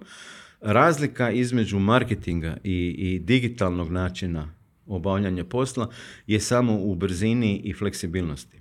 Znači ja mogu vrlo brzo promijeniti e, oglas, a kad se jednom dao štampanje u novine, nije tako lako povući sve novine i sad izdat nove sa novim oglasom. Znači mogu brzo e, e, i fleksibilno promijeniti oglasnu poruku, na YouTube mogu snimiti mobitelom, E, nešto mogu vrlo brzo doći do povratnih podataka, nekad već za 15 sekundi. Ja na radiju moram raditi istraživanje prije ili televiziji svejedno, istraživanje tržišta prije, onda pustim reklamnu kampanju i onda radim istraživanje poslije. I onda znam koliki mi je bio brand lift. A rezultati? Kad poredimo sad ta dva, rekli smo brzina, rezultati. Rezultati mogu biti fenomenalni i katastrofalni, ne, ne, nema univerzalnog e, odgovora. E, ako dobro radiš, rezultati mogu biti vrlo brzo mjerljivi. I to je bitno. Vrlo brzo možeš vidjeti kroz neke metrike kako se ljudi ponašaju na sajtu i da li taj tvoj proizvod kupuju i da li je tvoja poruka pogodila. To vrlo brzo vidiš. E, e, postoje neke, neke metrike kao što je CTR ili, ili e, conversion rate ili nebitno. Postoje neke metrike koje ti govore da li si na dobrom putu. I ti brzo možeš vidjeti da si krivo krenuo, što je velika sreća. Ti kad si jedno snimio produkcijski materijal za televiziju, ti nemaš tako lako se snimiti novu reklamu jer ova truba. Ti ni ne znaš da je truba, nego moraš čekati istraživanje i vidjeti ništa se nije dogodilo. Platili smo tak da to je prednost e, digitalnog marketinga i mogu biti fenomenalni rezultati, ali spomenuo sam ovaj što je prodavao centralne sustave usisavanja, nije se usrećio. I neće se nikad usrećiti sa pretragama na Google, nego je njegovo prirodno okruženje sajmovi. I mislim, ono što isto ljudi kažu, e sad digitalni marketing je pojao sve, nije istina. Svi kanali oglašavanja rastu. na televiziji se više troši, na radiju se više troši. Samo se rast na televiziji usporio. Jer nekad bi ljudi ulagali, a rast u internetskom oglašavanju je eksponencijalan. E, e, I veći je sad nego svi ostali kanali zajedno ljudi više u digitalne kanale ulažu i to je, to je razlika. Znači razlika je u brzini e, u, u mjerenja povratnih rezultata i znaš gdje si, znaš da li si krenuo ili nisi u dobrom smjeru. A kad pričamo sad o toj sinergiji, imamo samo jedan kanal, na primjer Google, imamo pet kanala koje radimo ili paralelno, rekli ste da rezultati čak će na Google biti bolji ako radimo i kampanje. ima jedan, jedan stručnjak, Mark Ritson se zove, Eh, eh, on je radio mjerenja po kanalima. Ono što je dokazao, kad imaš 100 novaca za oglašavanje i podijeliš tih 100 novaca na dva kanala, a ne na jedan, imat ćeš 20% više prodaje. Znači, dolazi do sinergije kanala. Zašto? Zato što po nekim autorima da bi, neko, da bi nekog nagovorio da nešto od tebe kupi ili napravi što hoćeš, na kraju to svaka majka zna koliko puta mora ponoviti djetetu da pospremi sobu ili, ili mužu da opere suđe. To je ono nemoguća misija, maltene. E, no, istraživanja kažu 5 do 15 puta je potrebno normalnoj osobi reći nešto prije nego, što to na, prije nego što to ona napravi. E sad, kad koristiš dva kanala, imaš veće šanse da si mu e, češće se motao pod nogama. Malo je, gled, malo je bio na youtube malo je, malo je čitao, ne znam, neki portal, a oglasi tu, oglasi tamo. I češće si došao do tih 5 do 15 puta i desila se sinergija u prodaju. A kad sve ulažeš u jedan kanal, to i stare, stare babe znaju, nemoj sva jaja u istu košaricu. Nikad nije dobro sinko. Naime, e, može taj kanal raditi kako treba i super raditi, ali nikad ne znaš ko će ti isto uskočiti na taj kanal. Ja nemam kontrolu nad tim kome će Google isto omogućiti da oglašava moj proizvod. I zato uvijek dobro imati bokove e, zaštićene. A koji su to bokovi za, za Google kad, Facebook. kad radite? Facebook? Facebook, e, za, za Google search je Facebook, display i discovery. O, discovery oglasi su oglasi koji idu u Gmail i koji idu u onaj YouTube feed, odnosno ako nešto tražite na YouTubeu, onda prvo dođu e, oglasi, filmovi oglasa i onda filmići koji odgovaraju na taj upit koji ste postavili, e, taj YouTube feed je jedan od najslabije, odnosno e, naj, jedan od najjačih potencijala, zato što ljudi, velik broj ljudi ide na YouTube. Najveća tražilica na svijetu je Google, oko 90% ljudi koristi Google. Oko 30% ljudi e, e, koji su bili na Google idu još e, i na neku drugu tražilicu, a 70% ide na YouTube. 80% čak kaže Google. Znači ja kupujem frižider, ja ću, ja ću googlat ko ima taj moj frižider, onda ću ići na YouTube vidjeti kako se on čisti, pere, instalira, ne znam, milijardu stvari. Ne, I ima, ako ste na dva kanala me uhvatili, veće su mi šanse da ću ja prodati to onom gdje sam ga na dva kanala e, uhvatio. E, Google search su nekakve alternative Facebook, Instagram, TikTok, YouTube, sve ovo drugo što je push, znači čisto guranje.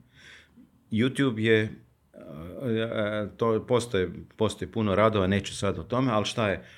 Facebook otvara prodaju, Google ju zatvara. Znači, Facebook kaže u petak je room party u kafiću avokado. I to neko ko nije tražio gdje je rum party ili rakija party dobio informaciju i onda ide googlat. A gdje se nalazi avokado e, kafić, gdje će biti rum party u petak i onda će Google reći eto ti tu. I Google je taj koji će me odvesti i koji će me dovesti. A Facebook mi je samo da otvorio je taj kanal, otvorio je prodaju. To radi i televizija, slično, i radio, i, i podcast isto. Podcast, vi nećete na ovom podcastu ništa zaraditi ali možda neko vidio ovu poruku tu, vidite, ne znam, a? i ako je vidio tu poruku, će googla, šta se doje ovaj Varga priča? A ne piše na šalici stara budala, nego piše neka, neka firma. E onda ide googlati i podcast može samo otvoriti prodaju, ne može zatvoriti. A e, ti kanali koji otvaraju prodaju su uglavnom kanali koji su puš, znači guraju ti poruku kad ju nećeš, novine mogu biti to, televizija, radio, E, Facebook, Instagram, e, influencer, e, TikTok, milijardu. Imate sad velika je priča oko AI. To smo poseban deo. AI. Imate jednu, jednu, jednu firmu gdje bi ja sad sigurno uložio para da imam, koja radi sljedeće. ide sekvenca, video sekvenca, i vi kliknete na neki proizvod u tom video i onda piše AI prepoznaje, aha, to ti je, to, recimo kliknem na sat, e, to je sat koji isto nosi James Bond u filmu Dillinger, e, to proizvodi Rolex, košta toliko, možeš kupiti tu. To će, mislim, pomeni, će tako se snimati reklame. To je pomeni put. Snimat će se filmovi i vi ćete gledati film i u jednom trenutku će vam u filmu nešto biti interesantno, zaustavit ćete, kliknut ćete i dobit ćete oglas. Znači, to će biti search kampanja na televiziji, što je ono, baš e, dvosmjerna komunikacija. Televizija je još uvijek linearna. Mi emitiramo, vi konzumirate. To je, ovo će biti sasvim druga priča. Kako se zove ta firma? Ne znam, ne bih htio nikog reklamirati. Ajde mi, poslije emisije ću vam reći, ali ne, ne bih htio sada da ispadne. Okay, Da ja sam, da sam nekog reklamirao i to kažemo da zatvaramo prodaju u podcastu. Ali koja je sad razlika? Spomenuli smo, ok, vidimo sad ovdje naziv, neko to kuca. Međutim, sad ako mi kažemo, evo u kameru, 5. i 6. aprila vidimo se na Biznis Priča konferenciji. Link za konferenciju je za karte je tu. u opisu podcasta. Je li to zatvaranje? Je, to je zatvaranje. Da to je zatvaranje ako neko klikne i kupi kartu. Ili, znači rekao sam 5. i 6. april Biznis Priča konferencija. da, inače ko ne ode na tu može 1. i 2. 6. na hitit koju organizira i, Izbacite ovaj I to je predno što možemo da režemo. da, da, da, reži, reži. može podcast e, zatvarat, može i radio zatvarat, to smo isto mjerili. I radio, radio recimo poruka koja glasi ovako, danas kiflice za ne znam 50 dinara, pekara pero, sljedećih pola sata. I odjednom gužva kod pere. To sam vidio zvuči blesavo, ali naziv vašeg telefona može zatvarati prodaju. To sam vidio i to, to držim na predanja. Svaki telefon ima neki naziv. Svoj Wi-Fi možete dati, podijeliti. I Wi-Fi, vaš Wi-Fi se zove, ne znam, biznis, biznis priče. Biznis priče, da. A zamislite sad da imate kafić, što je čovjek napravio nakon mog predavanja. I tu, kafić Roko, a preko puta kafić Ivan. I ljudi dođu u kafić Ivan, upale mobitel Pogledaju mrežu, a mreža se zove zašto pit kavu kod Ivana kad je u roka dvije kune jeftinije. Tako se zove mreža. I kaže meni vlasnik Ivana, pa gospod Marga, ja ne znam šta, ljudi dođu, sjednu, konobar još nije stigao da njih, ustaju i odu preko. pa jeste gledali koje wifi mreže ima? Jel to gerila? To je to i možete nazvati gerilu, možete nazvati inventivnim marketingom, a možete nazvati disruptivnim, tako sve jedno. Radi, ako radi, koristi. To je recimo jedan od načina na koji su, šta je, šta je problem bio i to, taj case je baš dobio nagradu. Šta je bio problem? Na aerodromu obično imate sve panoje već ispunjene i sad ste vi novi, morate jako puno platiti za vaš oglas na pano, ali ljudi ne vide. I likovi su ošli, uštekali wi fi po, po aerodromu, ove male rutere, čak se nisi mogao ni spojiti na ruter jer ti nisu dali password. Ali se mreža zvara, ne znam, e, e, najam automobila na dan samo 75 eura, a svi drugi imaju, ne znam, 100. Ali to e, ne bi te ni čitali na panovu jer bi se izgubio među onih hiljadu raznih poruka koje se stalno vrte. A ovako kad si gledao, o, 75 eura više, tu je 120, pa da, šalter 12, ne, istup, na šalteru 12 ovako, a ovi ostali zjape prazni, čitaju novine i tako. Dakle, je možda gerila, ali ne bi ja to nazvao gerila, zato što je... gerila marketing se obično koristi tamo kad se hoće opisati nešto inventivno, nešto jeftino, e, ili skoro besplatno, duhovito, ali to je oglasna poruka koji svaka druga. Možemo je nazvati gerila, ali ne bi ja, ne bi ja, ne e, Prvo, ajde mi recite šta je gerila. Do koliko novaca ulaganja je nešto gerila? Pa ako može džabe. E, a koja razina inventivnosti? Koja razina šerabilnosti? Mislim, e, to je oglas koji svaki drugi, samo što je ovaj na, na, na, na jedan način napravio onako zanimljiv, zanimljiv e, zanimljiv doticaj sa korisnikom koji ti je dobio oglasnu poruku jer ga zanimalo ko ne, koga ne zanima rentakar, njemu ništa ne znači taj naziv. Isto kao onaj koji gleda televiziju i sad ova, ova nudi, ne znam, suncokretovo ulje. Pa mene to ne zanima. To, a neću sigurno zva ženu, vidi, vidi reklama za suncokretovo ulje. Mm. da, pusti me, on, zloti je. Imate jako zgodan case, sad je napravio lik, um, uh, e, e, e, igrala je Hrvatska protiv Brazila na svjetskom prvenstvu. I e, lik radi u gradskom vodovodu u Zagrebu i mjeri tlak u cijevima. I sad traje utakmica, tlak ludilo. vreme. Tlak padne, svi otvaraju pipe. Dokazano, već dugo se zna to, da niko ne gleda blok reklama na televiziji. Ali sad je to E, i na domaćem primjeru dokazano, da to je do te mjere bilo da na, na, na višim katovima uopće ovi nisu imali vode koliko su ovi drugi svi dole otvarali. Ostali su bez vode gore. Tako da je svaka, svaka, svaki break za reklame, poluvrijeme i, i ona poluvremena iza produžetaka, tu je padao pritisak strašno, a ovo ostalo je bio na vrhu. Nikog u kupatilu dok igraju Neymar i Modrić. I svi znaju to da su reklame, da su ljudi u WC-u, da su na telefonima, na drugom ekranu, da se ne gleda, međutim i dalje su reklame skupe i, i dalje se plaćaju. Plaćaju. Šta je tu razlog? A, pa prvo, pa to je ono što se neko, fakulteti su ostali e, na neki način... E, u, u neznanju ostave studente. Malo se priča o tom e, načinu oglašavanja na digitalnim medijima. U zadnje vrijeme možda malo više, ali prije deset godina nula bodova. To je jedno. A drugo, postoji taj sindrom neko, e, kako Google radi.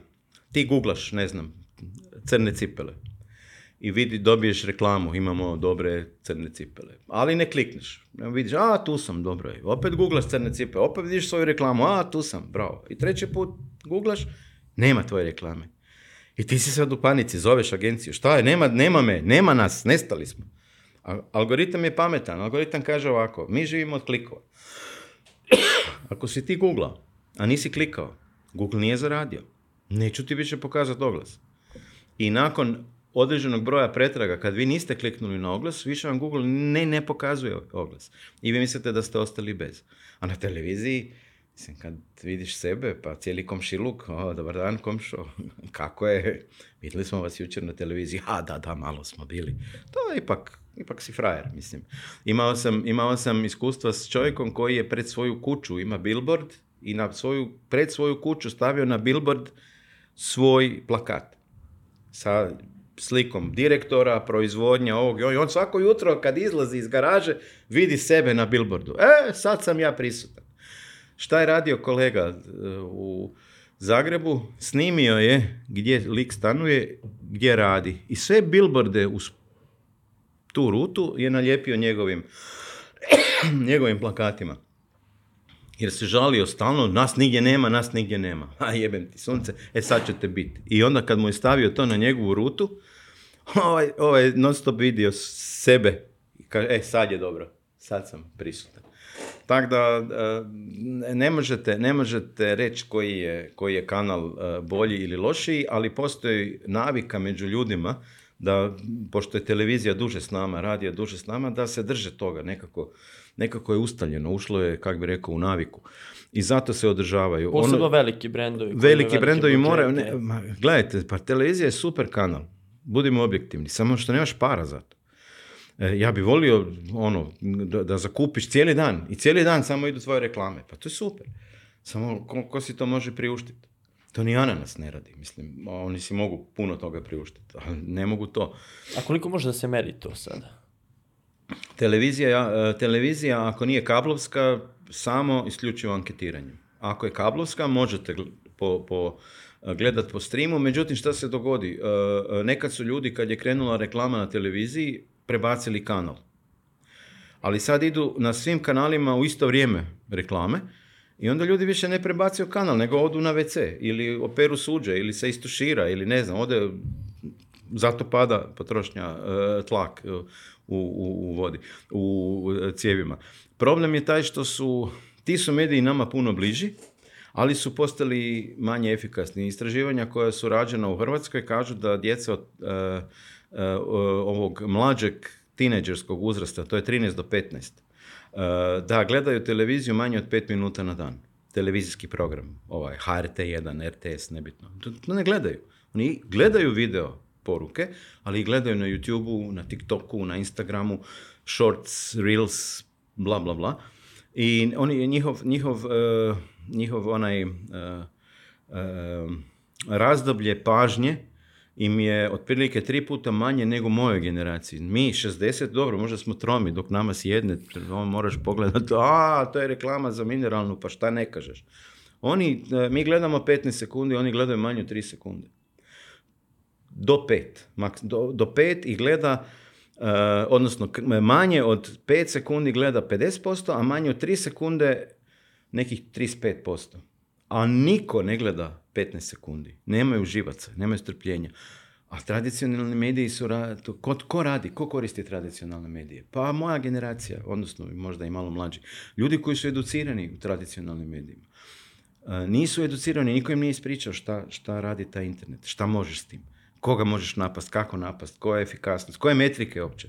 Ništa to ljudi ne znaju, niko im nikad nije rekao. Učili su nešto statistike, ali statistika, bože mili, ono, učili su anketiranju, tak.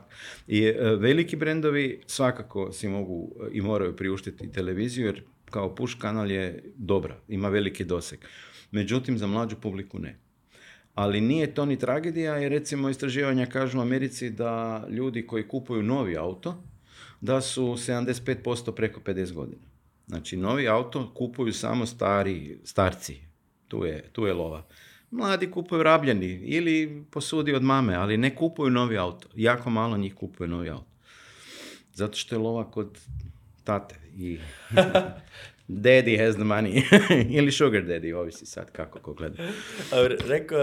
rekli ste za klikove da više ne gledate koliko košta klik. Ne, ne, ne gledam već tri godine. Uopće me ne zanima pošto je klik. To je gubitak vremena. Od klika živi Google. I uopće me ne zanima koliko je Google dobro prošao sa mnom. Mene zanima samo moja blagajna. Šta je meni ostalo? Šta je meni došlo u, u radnju? Šta je meni u blagajni? Šta je meni na računu? To je bitno. Pošto klik.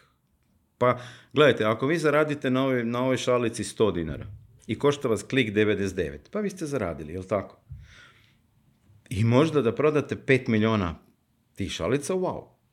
Ono što je vama bitno samo da me konverzija, da mi zarada bude jeftinija, e, odnosno da mi konverzija bude jeftinija od zarade. A koliko košta taj klik, uopće me ne zanima. Može biti 10, može biti 90, sve jedno.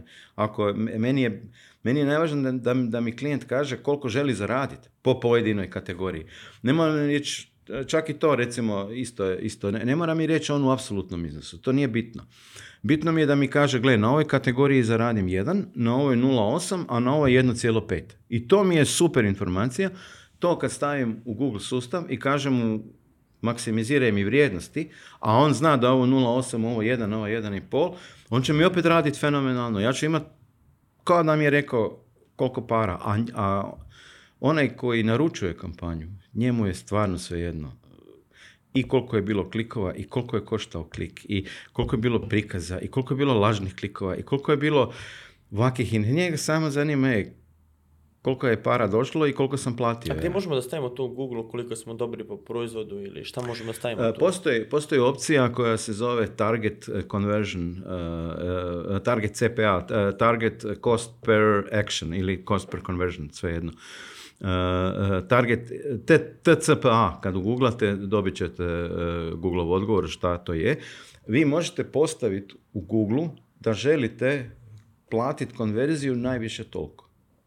I sustav će pokušat kroz oglašavanje dostići tu vrijednost. Neće odmah, na početku će možda i dva puta više potrošiti, ali će vremenom vremenom, znači kad bude imao oko hiljadu konverzija, to može biti za dva tjedna, može biti za šest mjeseci, a može biti za tri godine. Znači nije vrijeme uopće bitno, nego uzorak. On kad bude imao oko hiljadu konverzija, on će mi doći sa cijenom konverzije na tu zadanu vrijednost. I to je ono što mi treba, da ja mogu sustav reći, on želim platiti najviše toliko. Postoji i opcija ROAS, odnosno Return on Advertising Spend, koja kaže, ja želim ti dati jedan, a želim zaraditi deset. A, regionalni biznismeni hoće dati jedan izradi zaradi sto hiljada. I e, tu sustav kaže ne mogu ti to, ne znam. Ne znam. E, imaju pretjerano očekivanje. Ali ako staviš, gle, dam ti jedan, a želim zaraditi recimo 7 do 8, to je realno. Jer to znači da u prodajnoj cijeni imaš nekih 15%, 20% tvoje, tvoje zarade i to je neki realni podatak i tu sustav uspije dobro odraditi. E, znači, postoji mogućnost kroz zadavanje nekih parametara, su, ali moraš znat naravno da šta postoji, gdje to zadat, da sustavu kažeš, gledaj Google, ja ti ne mogu, ne mogu platiti za ovu šalicu više od, od, od 200 dinara po konverziji, ali za, ne znam, slušalice mogu možda ti platiti i 500 dinara po svakoj konverziji, po svakoj prodaji.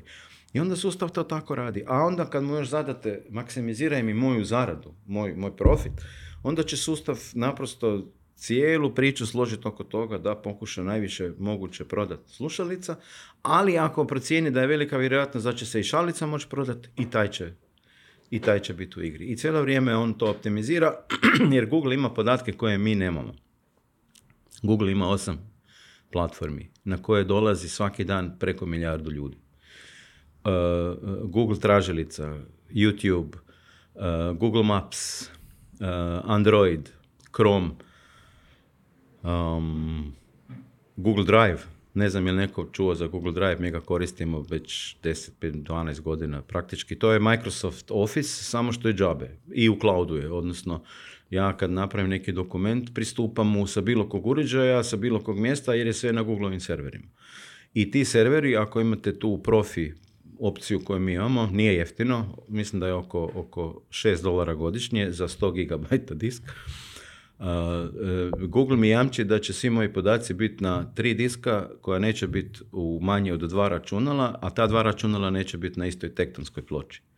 Znači ja imam 100% ono sigurne svoje podatke i Google štiti da me virusi ne napadaju, da mi neko ne ukrade, da mi neko ne obriše, da mi... Jedino ja mogu biti blesov pa napisati, e ljudi, ovo mi je lozinka, pa ajde da vidim ko može ukrst prvi. To, to neš napraviti. Ali e, Google je platforma koja, koja jako, jako puno nudi sadržaja a kroz te sadržaje i Google uči šta, kako se ljudi ponašaju. Recimo jedna sad e, e, novija vrsta kampanje, Performance Max se zove, e, ona je krenula u, u varijantu da ključ nekada, nekada, kad sam ja počinjao je bio da pokušaš razmisliti šta bi čovjek googlao kad bi htio kupiti taj proizvod koji ti nudiš. To je bio ono glavni, glavni džir. Danas više te to uopće ne zanima. Danas ti kažeš ovako, gle, ovo ti je konverzija, ovo su ti pare, izvoli. I onda on googla, odnosno uh, napada čovjeka koji na nekoj od Google-ovih platformi, rekao sam ima 8 sa milijardu, a ima ih još par desetaka sa preko 100 milijuna, Wikipedia, Picasa, Quora, ne znam. On, on sa svih tih platformi čita i uzima sadržaje, ljude i ponašanje. Recimo neko pita na Quori šta mislite koja je najbolja kosilica za do 3000 kvadrata zemljišta? Pa ne kupuješ cipele kad si to pitao na kvori. I kad, Google te, kad Google stavi u kućicu, aha, potencijalni kupac kosilice, više te ne pušta, ideš na YouTube, ups a kosilica, ideš pogledat e, temperaturu u Beogradu, ps, a kosilica, ideš pročitat, ne znam, je, je Lepa Brena danas pjevala ovako, onako, cup, a dole a kosilica, i ne, ne, ne puštate. Znači, ušao si u košaricu, Google prati i korisnik, ja kao neko ko plaćam tu kampanju, ja ni ne znam gdje ga je Google sve lovio, samo znam da na kraju je konverzija koštala u tom okviru koji sam zadao. Iskreno, nije meni briga gdje je on sve napadao korisnika, jer korisnik je u trenutku kad je napravio Gmail, tamo potpisao dajem bubreg Google, možete mi otet ženu, djeca su zalog, ono, ljudi su imala je tri godine bila poruka ko nam se javi na ovaj mail, ali mail nije bio manki. nego je bio napisan, ne znam, mail pero e, pero et tu, Google, ko nam se javi e, e, na ovaj mail s bilo kakvom porukom, bezuvjetno ćemo mu isplatiti 3000 dolara. Tri godine se niko javio, nije, onda su maknuli. Niko ne čita Terms of Service, niko ne zna što, da, da, da, ono, Facebook, što ti uzme. A sad mi pričamo o kosilicama, telefon je tu, jel mogu da krenem da nam iskaču kosilice? Vjerojatno su Pa trebalo bi, ako, gledajte, ako je neko dobro složio kampanju, trebalo bi vam se to dogoditi. Tako da. Google, sve je u redu, dobar si ti. Moram paziti da ne izgubim status. Ugovor. Šta je, pa, pa sluša vas, ne znam koji uređaj imate, Samsung vas sluša cijelo vrijeme. Recite mu hi Bixby, pa odmah će se javiti. E, e, Siri vas sluša, svi vas slušaju non stop. Ne slušaju vas zato što ste vi važni. O, ja sam sa Varga, mene sad sluša neko u Google, ma klinac. Sluša vas algoritam da usporedi vaše petrne, odnosno uzorke vaših rečenica, da li to odgovara kupcu onoga što bi neko htio platiti.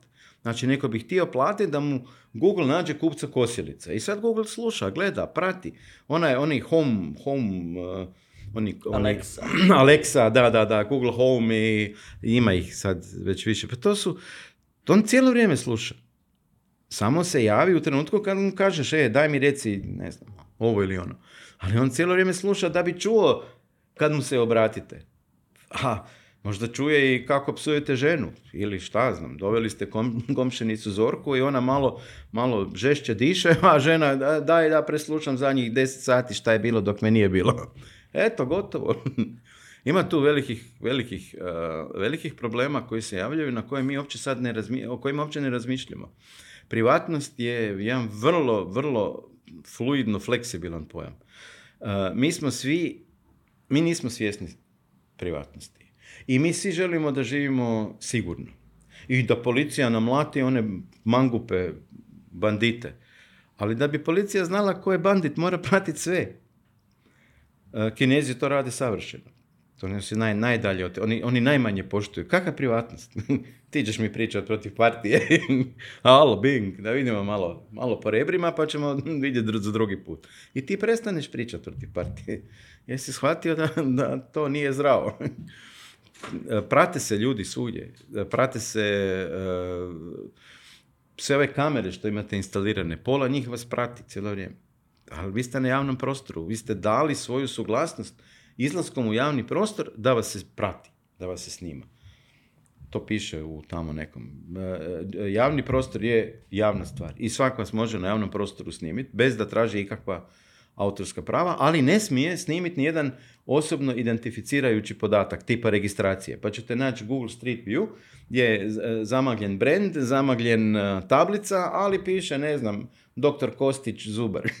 to, to će pisati jer to se vidi i to je kao podatak koji je javno dostupan, ali ne, ne treba možda neko zna da li je tu parkirao auto, ne znam. Pogotovo ako je neka plastična operacija, ne, ne znam. A koliko se menjao, uh, u SEO je bilo dosta Black Hat-a, vremeno se menjao, u plaćenom oglašavanju koliko je bilo, i koliko ima danas Black A gledajte, uh, uh, Black Hat je sve ono što Google ne dozvoljava. I onda vi krenete oglašavati i vidite da vaši oglasi ne prolaze, a drugi se za isto to oglašava. Znači ima.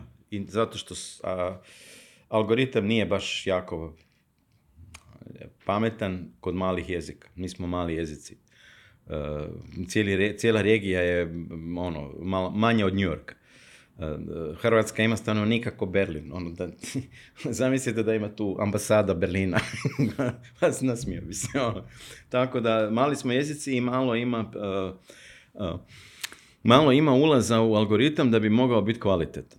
I onda to neki zloupotrebljavaju. Postoje black hat tehnike, ne bi sad htio pričati, jer ono kad pričaš u regiji o black hat, prvo si to krenu raditi.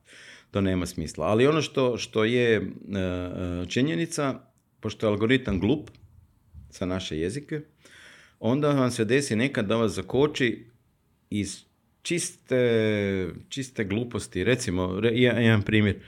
Imamo, imamo e, shop koji prodaje motorne pile. Motorne pile su proizvod koji je sasvim legalan po svim elementima dostupan. Međutim, na engleskom se hemoroidi pišu pile, pile. I vi oglašavate ono, najbolji motorni hemoridi što može zamisliti, brundaju non stop i Google kaže ne može, kakve pile, sram te bilo. Ili med, med je u engleskom skraćenici od medical. I ti kažeš imam Bagremov med, ma kak je Bagremov doktor, mrš nema med, medical zabranjeno. Ili evo sad isto, ima neki brend u svijetu koji se zove Sobe, Sobe, nemam pojma. A ja imam Eh, hotel koji oglašava, imamo eh, dvije, 242 eh, sobe. Ne može, kažu kao modni brend. Pa, kak modni brend? Jedan sobe. E, takih stvari ima svaki dan. I neki ljudi to zloupotrebljavaju. Naime, traži onda za... Evo je, evo jedan trik. Traži za, za svoj kanal da ga flegaju, odnosno da označe da on sobe može oglašavati, jer sobe u hrvatskom i, i srpskom i, i na svim regionalnim jezicima znači prostorije, imam stan sa tri sobe, nebitno, i kad, vas, kad ga flegaju da može sobe, e, onda ide, sobe bolji od bilo kog drugog sobe. to rade ljudi, to, to, toga ima. Ali opet, e, e, onda, onda više nije algoritam taj koji će vas zakočiti, nego će drugi oglašivači javiti Google, gle, meni nisi dao, aj može. Onda su drugi tuži babe. Tako da, Um, ima... za, ime, spomenuli smo Google Drive, kucam Google Drive, iskače OneDrive, mnogo bolje od Google Drive. Pa da, pa da, zato što je neko zakupio uh, ključnu riječ Google Drive i kad neko googla Google Drive, vi ne smijete u oglasu samo reći ja sam Google Drive, ali vi možete reći OneDrive ti je najbolji drive ever. To ne, nema boljih driveova od onedrive Možete to raditi. Mi smo to, mi smo to koristili, to koriste recimo mali brendovi kad uđu na tržište gdje je već neki veliki brend etabliran. I sad, e, kak ćeš se boriti protiv velikog, a ljudi googlaju tog velikog i onda naprosto uzmeš keyword tog velikog i napišeš ono, isto, isto kao ovo što ste tražili, ali puno bolje i jeftinije. Ili imali smo i to situaciju da nam je neko, um, računovodstveni servis mislim da je bio u pitanju. Računovodstveni servis, Pero, nebitno, je imao oglas. A sad drugi računovodstveni servis, Marko, Uh, se oglašava kad neko googla računovodstveni servis Pero i napiše dobro došli, uh, kliknite ovdje da bi došli na stranicu najboljeg knjigovodstvenog servisa. I ljudi kliknu, odu i ostane Pero bez mušterije. I onda je Pero rekao, šta da radimo, ne možemo ga kazniti jer nije napisao Pero, napisao je svoje. Onda smo mi napravili to, pošto je on uvijek bio prvi, napisali smo drugi, mi smo u stvari servis Pero, a ovi iznad nas su lažovi. I, sigurno će nam tako i knjige voditi. O, da vidiš kako je bila frka. To non stop se radi e, nekakva, kak bi rekao, to, je igra bez granica. Stalno bude nekakvih black hat, grey hat, e, pa, to je normalno, to je posao, da ti e, posao agencije ili account menadžera je taj da svom klijentu donese maksimalnu korist. E, po mogućnosti da ne krši nijedan zakon i da ne krši google pravila, ali nekad se igraju ljudi na rubu tih pravila. Mi to ne radimo, zašto smo, e, da nekad smo to radili baš se veseljem, ali sad ne radim zašto, zato što je klijent možda uložio par hiljada eura u kampanju, skupio neke podatke i sad je zbog moje black hat, hat tehnike Google ga suspendirao za uvijek. Sve što je uložio može zaboraviti. Jedini način da se on vrati na tržište je da napravi sajt sa novim URL-om, znači mora promijeniti brand i mora otvoriti novi account i najbolje i novu karticu da Google ne vidi nikakvu vezu, a ako može da nije i on nositelj, naručitelj, nego da je žena. Znači moraš ono praktički cijelu povijest zaboraviti. A to nije zdravo. Nije zdravo ako hoćeš u dugoročnom biznisu nešto napraviti. Spomenuli smo AI. Da li će AI da zameni Vargu? Hoće sigurno, ali ne u svemu. Ne u svemu. E, šta je, šta je recimo e, e, Rekao je, je e, e, jedan Izraelac, uh, Ju, Juval Noah Harari, ko nije pročitao, neka si ga malo uzme. Rekao je jednu neće AI zamijeniti ljude kad bude bolji od ljudi, nego samo kad bude dovoljno dobar da može odraditi posao ljudi, a to recimo chat GPT je upravo to, on je dovoljno dobar. I lijepo piše, nemojte uzeti sve odgovore kao zdravo za gotovo, ne moraju biti točni, ali su jako dobro upotrebljivi. Ako ništa drugo, e, neki dan sam slušao kolegu Istoka e, koji je u jednom drugom podcastu gostovao, neću ga spominjati, e, ni Istoka, ni surove strasti. on se igrao s tim, on se igrao s tim gdje je rekao daj mi ideju za ovo i onda je, nisam zadovoljan, daj mi bolju ideju, pa je ovaj, stvarno je svaki put dao sve bolje ideje. I mislim da, je, da će AI, ne da će, AI je već ušao, samo što mi nismo toliko toga Eh, u puno stvari nismo toga svjesni. Recimo, eh, zašto mi želimo da uđe AI? Stvari su vrlo jednostavne, zato što nam daje neku korist, neku prednost. Eh, radili su istraživanje, rengenske snimke, AI puno bolje dijagnosticira nego doktor.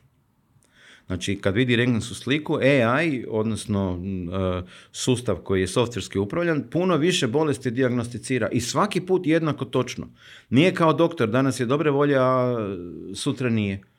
I e, doktori u, u Izraelu imaju obavezu koristiti uz, znači nije samo prepušteno AI-u, nego radiolog koristi AI, šta ti vidiš? I onda vidi, gle, tu ima neka sumnjiva šmrljica, onda ili ga slikaš ponovo, ili ga otvoriš, ili nešto napraviš. I mi kao pacijenti, mi kao ljudi koji imaju to, pa ja želim da me spasi.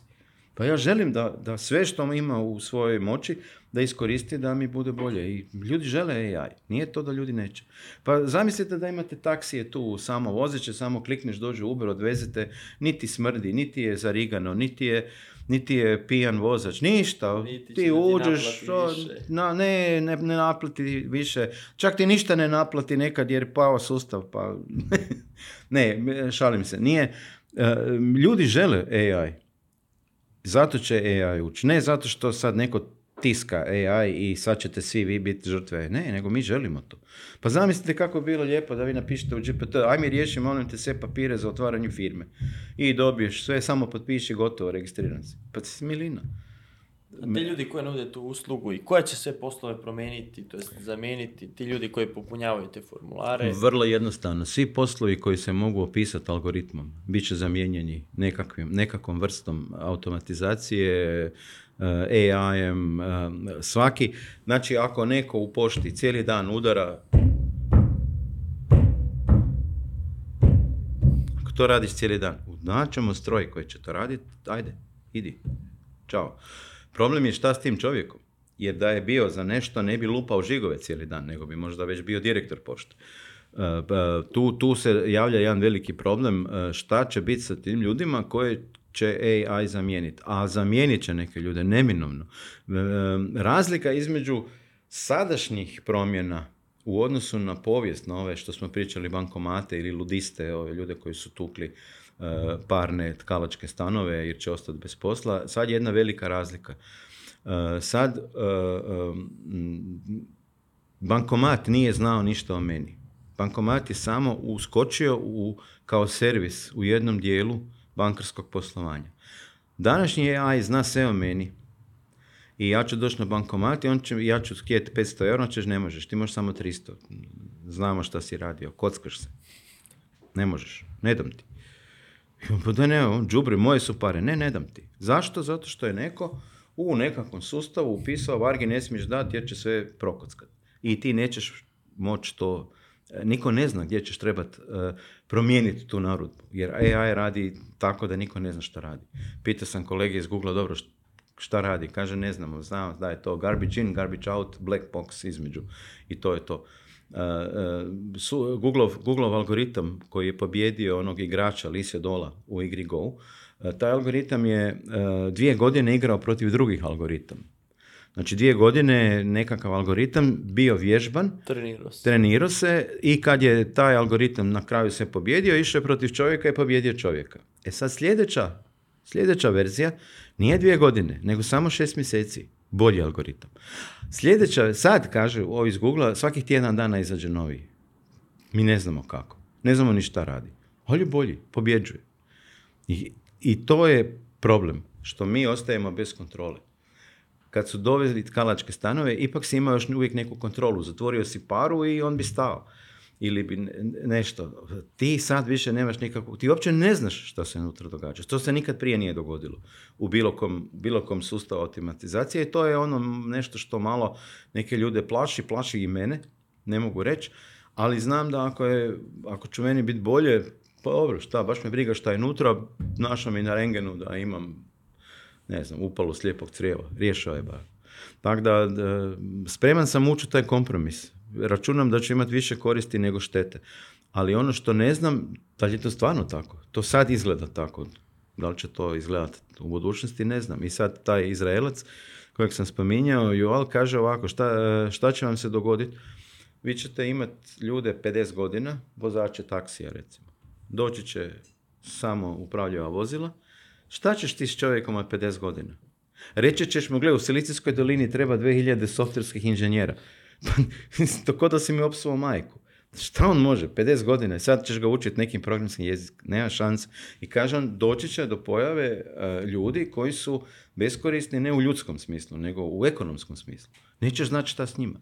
Šta raditi s takvim osobama? Jer jedini, odgovor koji Zapad za sad ima je e, temeljni dohodak. Znači, svaki koji se rodio ima pravo na nekakvu pinku. Ali kaže, Zapad e, neće plaćati u Bangladešu, koji će isto imati taj problem, ali nema pare za te ljude. Šta je s njima? Doći će do navale izbjeglica onda u Europu, jer treba im pomoć, ko što sad već imaš. I tako, puno, puno se tu problema javlja koji su nerješeni, a da ne kažem da je sad AI u kombinaciji sa nekakvim gadgetima.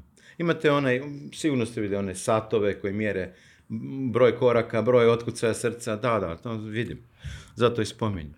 I sad šta, šta radi taj sat? Skuplje podatke o vama, vi ne znate ni koje podatke, ni kud ih šalje. Šalje ih u vaš uređaj. Kud šalje dalje uređaj, sam Bog zna. I sad šta se dogodi? Prilazi vam kolegica, koleginica Slavica, a vama tudum, tudum, tudum, tudum, tudum. A AI zna, zna, aha, ona ima Wi-Fi, kad je? taj Wi-Fi blizu ovog Wi-Fi-a, odnosno taj uređaj blizu onog uređaja, srca im rade ko blesavi. I šta radi? Šta je prsten za Valentinovo, čokoladu za najmiliju, cvijeće u... Vi ćete dobiti oglasnu poruku da kupite nešto prije nego što ćete postati svjesni da vam to treba. Jer će AI izračunati tu. I to već sad radi. To već sad možete.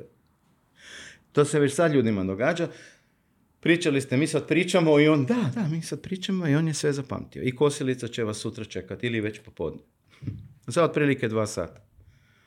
E, e, zašto se to događa? Pa vi ste sami sebi stavili taj sat. Nije, nije došla policija, on sad moraš nositi taj sat. Sami ste ga stavili. A on mjeri svašta nešto. On mjeri gdje ste, koliko ste koraka napravili, koliko je vam djetska sur, se srca, koja vam je tjelesna temperatura, da li je... E, sad ne znam koji model imate, da li je zasićenost kisikom u krvi dovoljna, svašta nešto on zna o vama. I zna kad Slavica dođe, vrate, luda glava. Sve mu možeš prodati u tom trenutku. I sad pričamo o AI, taj toliki razvoj i s druge strane ta neka priča o privatnosti gdje ti automatski ako koristiš telefon ti si tu privatnost dao i javno da se koristi. Kako će biti sad tu sukup? Imali smo GDPR u Evropi gdje ne, ne sme da se snima, ne sme kamera da se koristi. Dolazimo sad do tog ja e gdje smo pričali gdje bankomat neće da da 500 evra, kaže ne, može 500 evra. I gdje je sad tu i sloboda i privatnost u kom će smjeru to ići, iako Evropa i generalno zapadni svijet kliče da je privatnost na prvom mjestu, sloboda, međutim, Uh, A s druge strane, čuli kinezi nemaju ta ograničenja. Nemaju, ne, nemaju ni Ameri, bez brige, nema ni Evropa. Jeste čuli za gospodina Erika Snowdena? Da. Eto, ima tome koliko, sedam godina. Kad je rekao da je nedopustivo to što se prati. Nedopustivo. A opet. I šta se desilo? Jedino što je dobio rusko državljanstvo. Ništa drugo se na, glo, globusu nije promijenilo. Nije, nije niko zaustavio zemlju da ja silazim, a ovo neću. Nema šanse. Privatnost kao takva je... Lepa u teoriji. Ne, ne, ne, ne, ajde ovako ću vam reći. Postoje postoji nekoliko priča u ljudskoj povijesti koje ne možete uhvatiti ni za glavu ni za rep. Jedna od takvih priča je novac. Novac ima kontekstualnu vrijednost. Vi i ja smo se dogovorili da dva eura vrijedi ova šalica i ja vam dam dva eura, vi mi date šalicu. I to je naš dogovor koji funkcionira jer jedan i drugi vjerujemo u tu priču. Zašto novac nije vrijednost? Zato što kad padnete na pusti otok s avionom koji je vozio 15 milijardi ziljuna novčanica, vi ćete potražiti prvo džepni nožić i kutiju žigica. A baš vas briga za te pare, služit će vam za potpalu eventualno. Nema nikakvu vrijednost. U kontekstu u kojem ste se sad našli, pare više ništa ne vrijede. Isto tako privatnost, isto tako ljudska prava, isto tako, sad će se neko sigurno naljuti, to izrežete, religija. Kojeg god vjernika pitate, koliko ima religija koje su ispravne, svak će vam dati isti odgovor. Jedna, moja. Uvijek je ta, a druge su sve lažne. Mi kao ljudi imamo jednu fenomenalnu sposobnost. E, e, možemo izmisliti priču i držimo se te priče. I vjerujemo si u nju. Mi vjerujemo u priču o privatnosti. Mi vjerujemo u priču o novcu. Mi vjerujemo u, u, u razno razne priče. Kad napravite, kad napravite anatomski rez, naći ćete i slijepo crijevo, i bubrege, i jetru, i pluća. Nećete naći povelju o ljudskim pravima, privatnosti ili, ili ne znam, vjeru u novac. Nema. Mi smo, i tu je opasnost, zato što smo mi spremni prihvatiti priču koja je kontekstualno uvjetovana, koja je potpuno fluidna, može nam se prodati možda i priča koja baš nije tako dobra. To se dogodilo nekoliko puta u povijesti. I onda nastaje veliki problem. A šta ako nam tu priču počne AI prodavati svima na uređaj, pošto ga nosimo sobom? Mi smo sami sebi stavili onu pseću, pseću ogrlicu. Nas u svakom trenutku može svako snimiti di smo. U, u kilometar u urbanim sredinama možda i na 300 metara, zato što triangulacijom odašiljača ja točno mogu u 300 metara znati gdje je neko. Mogu znati ako je upalio Wi-Fi u 10 metara gdje je, jer Wi-Fi ima domet otprilike 10 metara. I vi se stojite tu ispred ove zgrade, a dole je izlog gdje se prodaju televizori. A Google Street View je prošao i rekao je na toj lokaciji je ovaj Wi-Fi ovakva, ovakva snaga signala i tu je izlog sa televizorima. I vi stojite tu pred televizorima i počet će vas napadati poruke. E, jel razmišljaš o novom televizoru? Samo što ste stajali na jednom mjestu. Ne, ništa ništa pričali, ništa tipkali, ništa, samo ste stajali. Zna se da neće stajati 10 minuta ispred izloga s televizorima zato što čekaš autobus, jer zna da je stanica preko puta, zna da je taksi stajalište tamo, zna da je... Tu ništa nema, samo izlog s televizorima. Više, i onda se postavlja pitanje privatnosti. Nije to pitanje privatnosti. Mi, mi smo spremni odreći se svoje privatnosti. Vrlo lako, vrlo jednostavno i puno. I u trenutku kad ste napravili, imate Gmail, ja pretpostavljam. Pročitajte si jednom Terms of Service. će vam zabavno i zanimljivo, možda i zastrašujuće. I pročitajte si Terms of Service Facebook profila, ako ga imate. Šta ste sve pustili Facebooku ta o vama zna. A da stvar bude ljepša, istraživanje koje je, radil, koje je rađeno u Cambridgeu, na, na temelju toga je nastala firma ona Cambridge Analytica, ali nema veze jedno s drugim. Radili su istraživanje na uzorku od 86.200 ljudi. I ustanovili su da je dovoljno pogledat vaših 10 lajkova da znam više o vama nego kolege na poslu. A 70 lajkova da znam više od vašeg cimera, 150 lajkova znam više od majke vaše o vama. A 300 lajkova mi je dovoljno da znam više o vama nego vaš životni partner. I kažu istraživači, ne možemo dokazati, ali mislimo da je 350 lajkova dovoljno da znamo više o vama nego što vi sami znate o sebi. Ali zašto ne možemo dokazati? Zato što kad smo došli ljude anketirati, ljudi su nam lagali, lažu. Mi lijepo dođemo, gledajte, mašina i rekla da ste vi gej. A baba Zorka stoji i sluša. Ma kak je gej, mrš, hoću da te sad razbijem. Neće ljudi priznat. Istraživanja pokazuju da ljudi lažu, uvijek lažu, svi lažemo, više ili manje, ja uvijek ženi slažu jesi šta pio, nisam. No dobro, nekad moraš slagati, to je pitanje života i smrti, ali činjenica je da lažemo, da e, smo ljudi koji su spremni na svakojake kompromise i da nas privatnost baš previše ne zamara. Zamaraju se, e, e, to sam sad slušao i baš mi je bilo zamano. Veli, privatnost je izmišljena izmišljena osobina koju su stavili pravnici na tržište da bi mogli više zarađivati. Jer se obični čovjek uopće nije imao prilike susresti s tim pojmom, ne zna šta se tu krije i ne boji se jer uopće ne zna da tako nešto postoji ugrožavanje privatnosti. Postoji sigurno, ali postoji biš dugo. Nije to sad od uvođenja GDPR-a. Pa to je, GDPR je tek posljedica što su nam sve radili prije. E, zašto su nam to radili? Zato da povećaju profit oni koji se bave internetom. Dokazano je, i to je recimo zanimljivo, da mi ne kupujemo racionalno. Ljudi ne kupuju racionalno, ljudi kupuju e, emocionalno. Da, okidači za kupnju uopće nisu dobra cijena, povoljna prilika. To, to kasnije dolazi. Emocije kažu, joj, ja bih htio ove cipele, ovu haljenu, ove hlače. I idem kupiti. I onda kasnije racionaliziram Evo te, moram sad doći doma, reći ženi, zašto sam dao 100 eura za cipele? A bile su na akciji, znaš, inače su 300. Počinjem racionalizirati nešto što sam već emocionalno napravio. E, postoje divna istraživanja, recimo jedno od istraživanja koje je, e, ako budete imali prilike, zapratite izraelsku, izraelsku psihologinju e, Liraz Margit, Margit Liraz, ona je radila istraživanje web shopova koji prodaju haljine koje koštaju 10 do 50.000 eura. Znači 10.000 eura haljina. E, ustanovila je da e, se više haljina prodaje na šopu gdje je samo slika haljine. Uvriježeno mišljenje je bilo, pošto, pošto online prodaja meni ne daje iskustvo kupnje, ne mogu opipat, ne mogu omirisat, ne mogu vidjeti tu boju, da moram detaljno napisat sve o toj haljini, da nadoknadim taj nedostatak. Ona kaže ne, jer kad puno teksta piše uz proizvod, počinjete racionalizirati i onda u jednom trenutku, a još ću malo razmisliti. Neću I na kraju ne kupim. A kad nema ništa, nego samo ta divna haljina i samo 9999 eura, klik, kupi, gotovo. A poslije gledaš, joj gle, pa malo košta održavanje. Zbog toga sam uzeo. I vatro otporna. Tako da e, ti procesi koji se kod nas događaju su upravo bili razlog da se e, AI-u zabrani da s nama manipulira, jer se s nama vrlo lako manipulira. Eh, jer ne donosimo eh, racionalno eh, odluke. Rekli smo samo 350 lajkova. Šta se dešava kada uzmemo sve te mreže, sve gadgete, hm. telefone, sve podatke?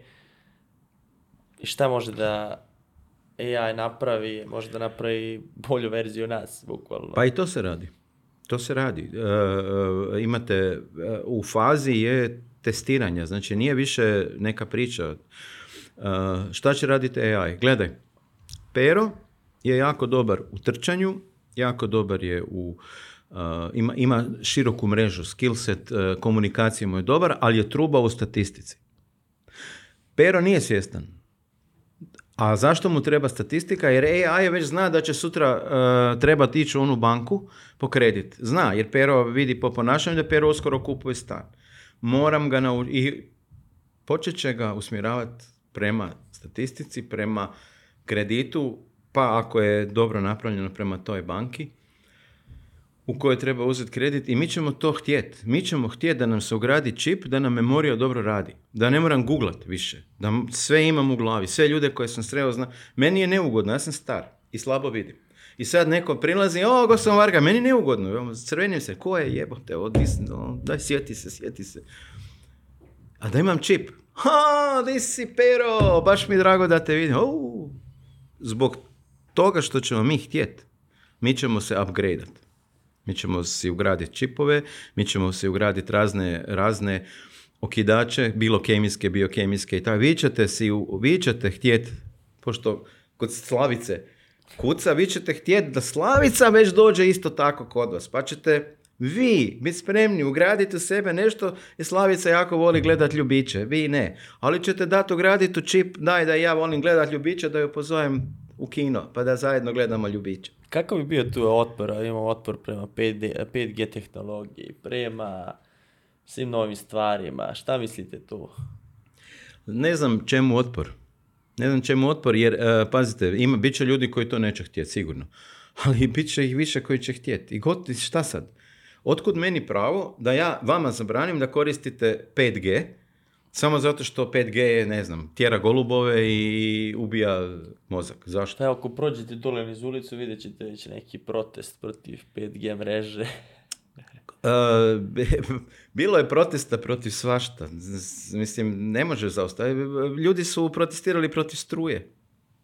Jednu, jednu sam zgodnu priču čuo neki dan isto.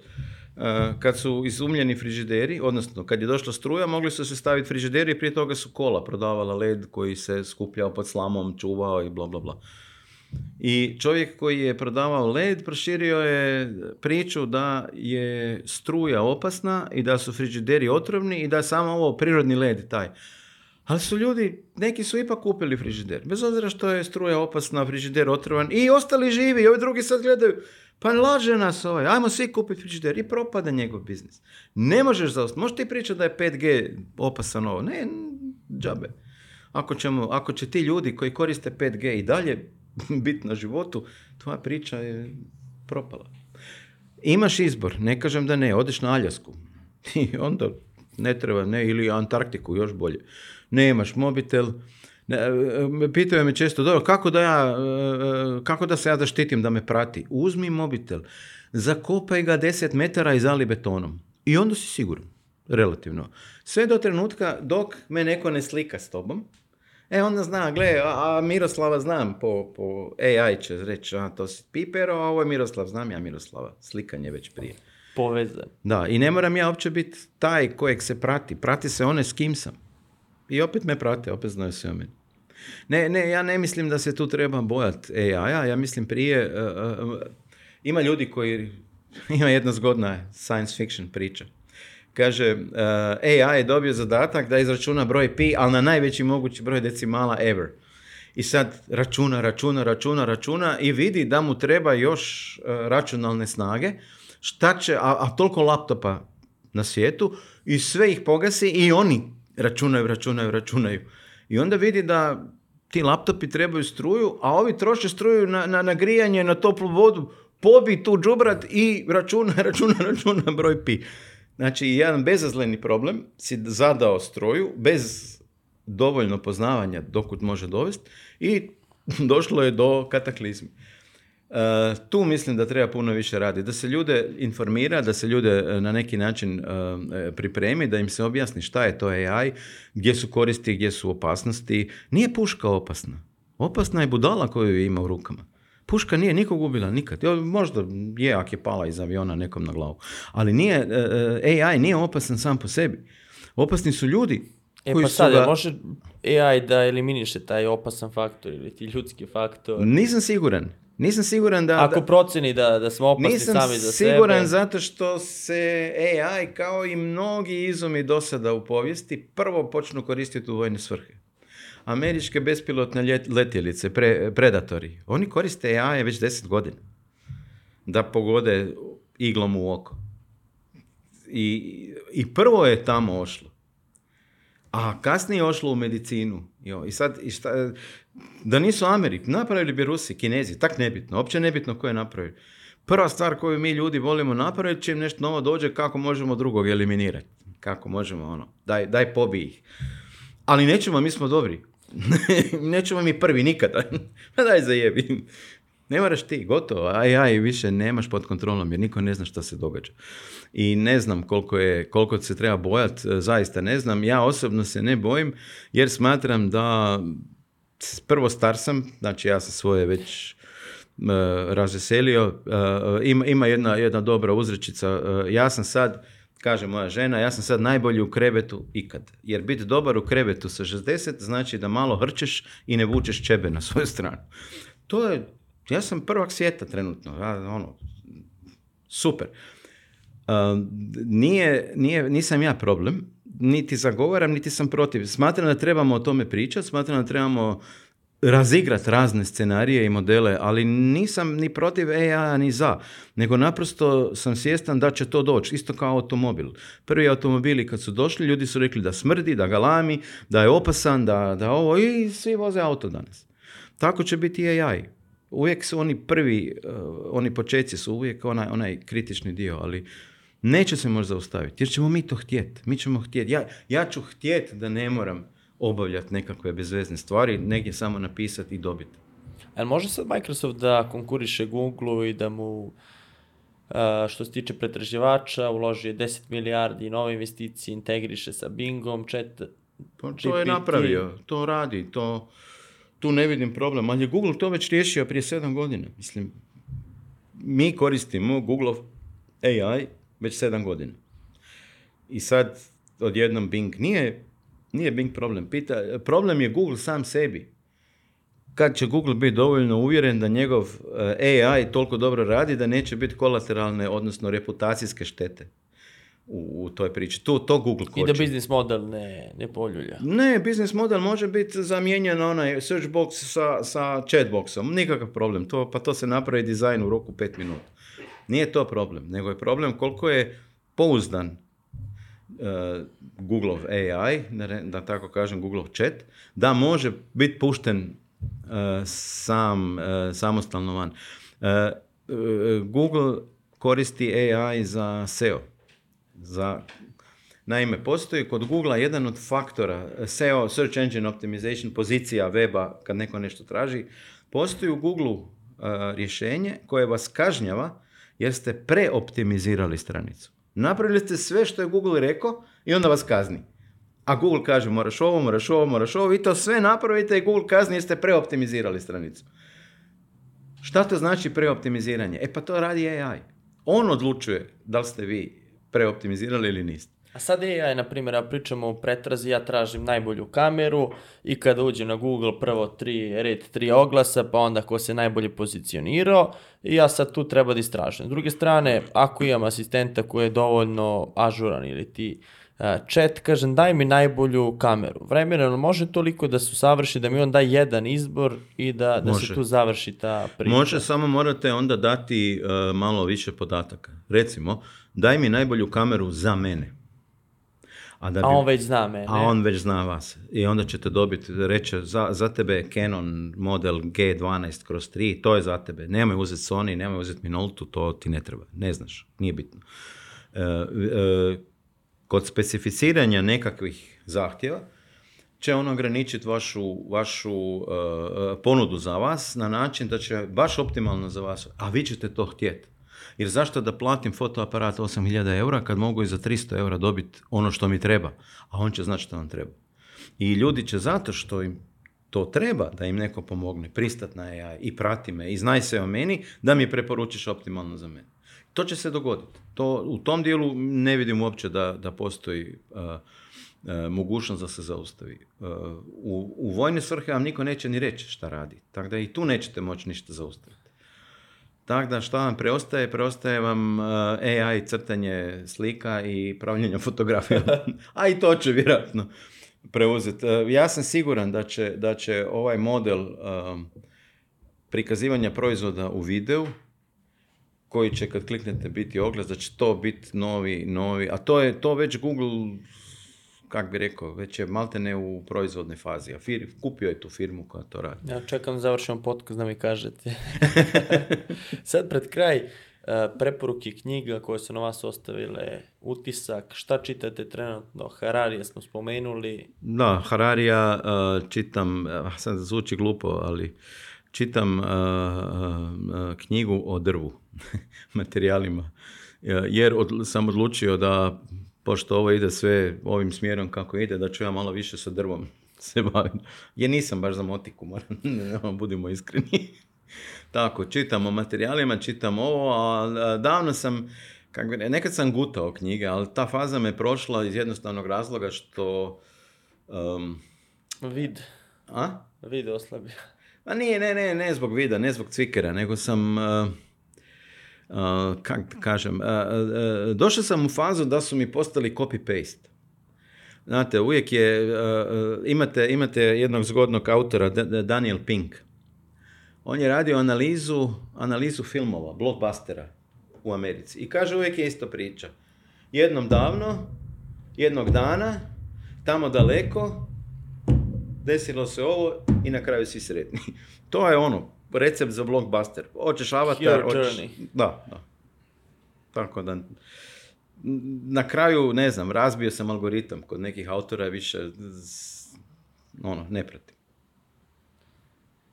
Hvala vam što ste bili gost biznis priča, što smo napravili ovakva predviđanja za budućnost, pa da vidimo za, za godinu dana u kom smjeru idemo, da li ćemo imati autorna vozila, da li će zameniti taksi lobby. Šta će biti, da. Hvala na pozivu. Doću za godinu dana ako budem smio. A mi se vidimo 5. i 6. aprila na Biznis priča konferenciji. Karte su u opisu podcasta.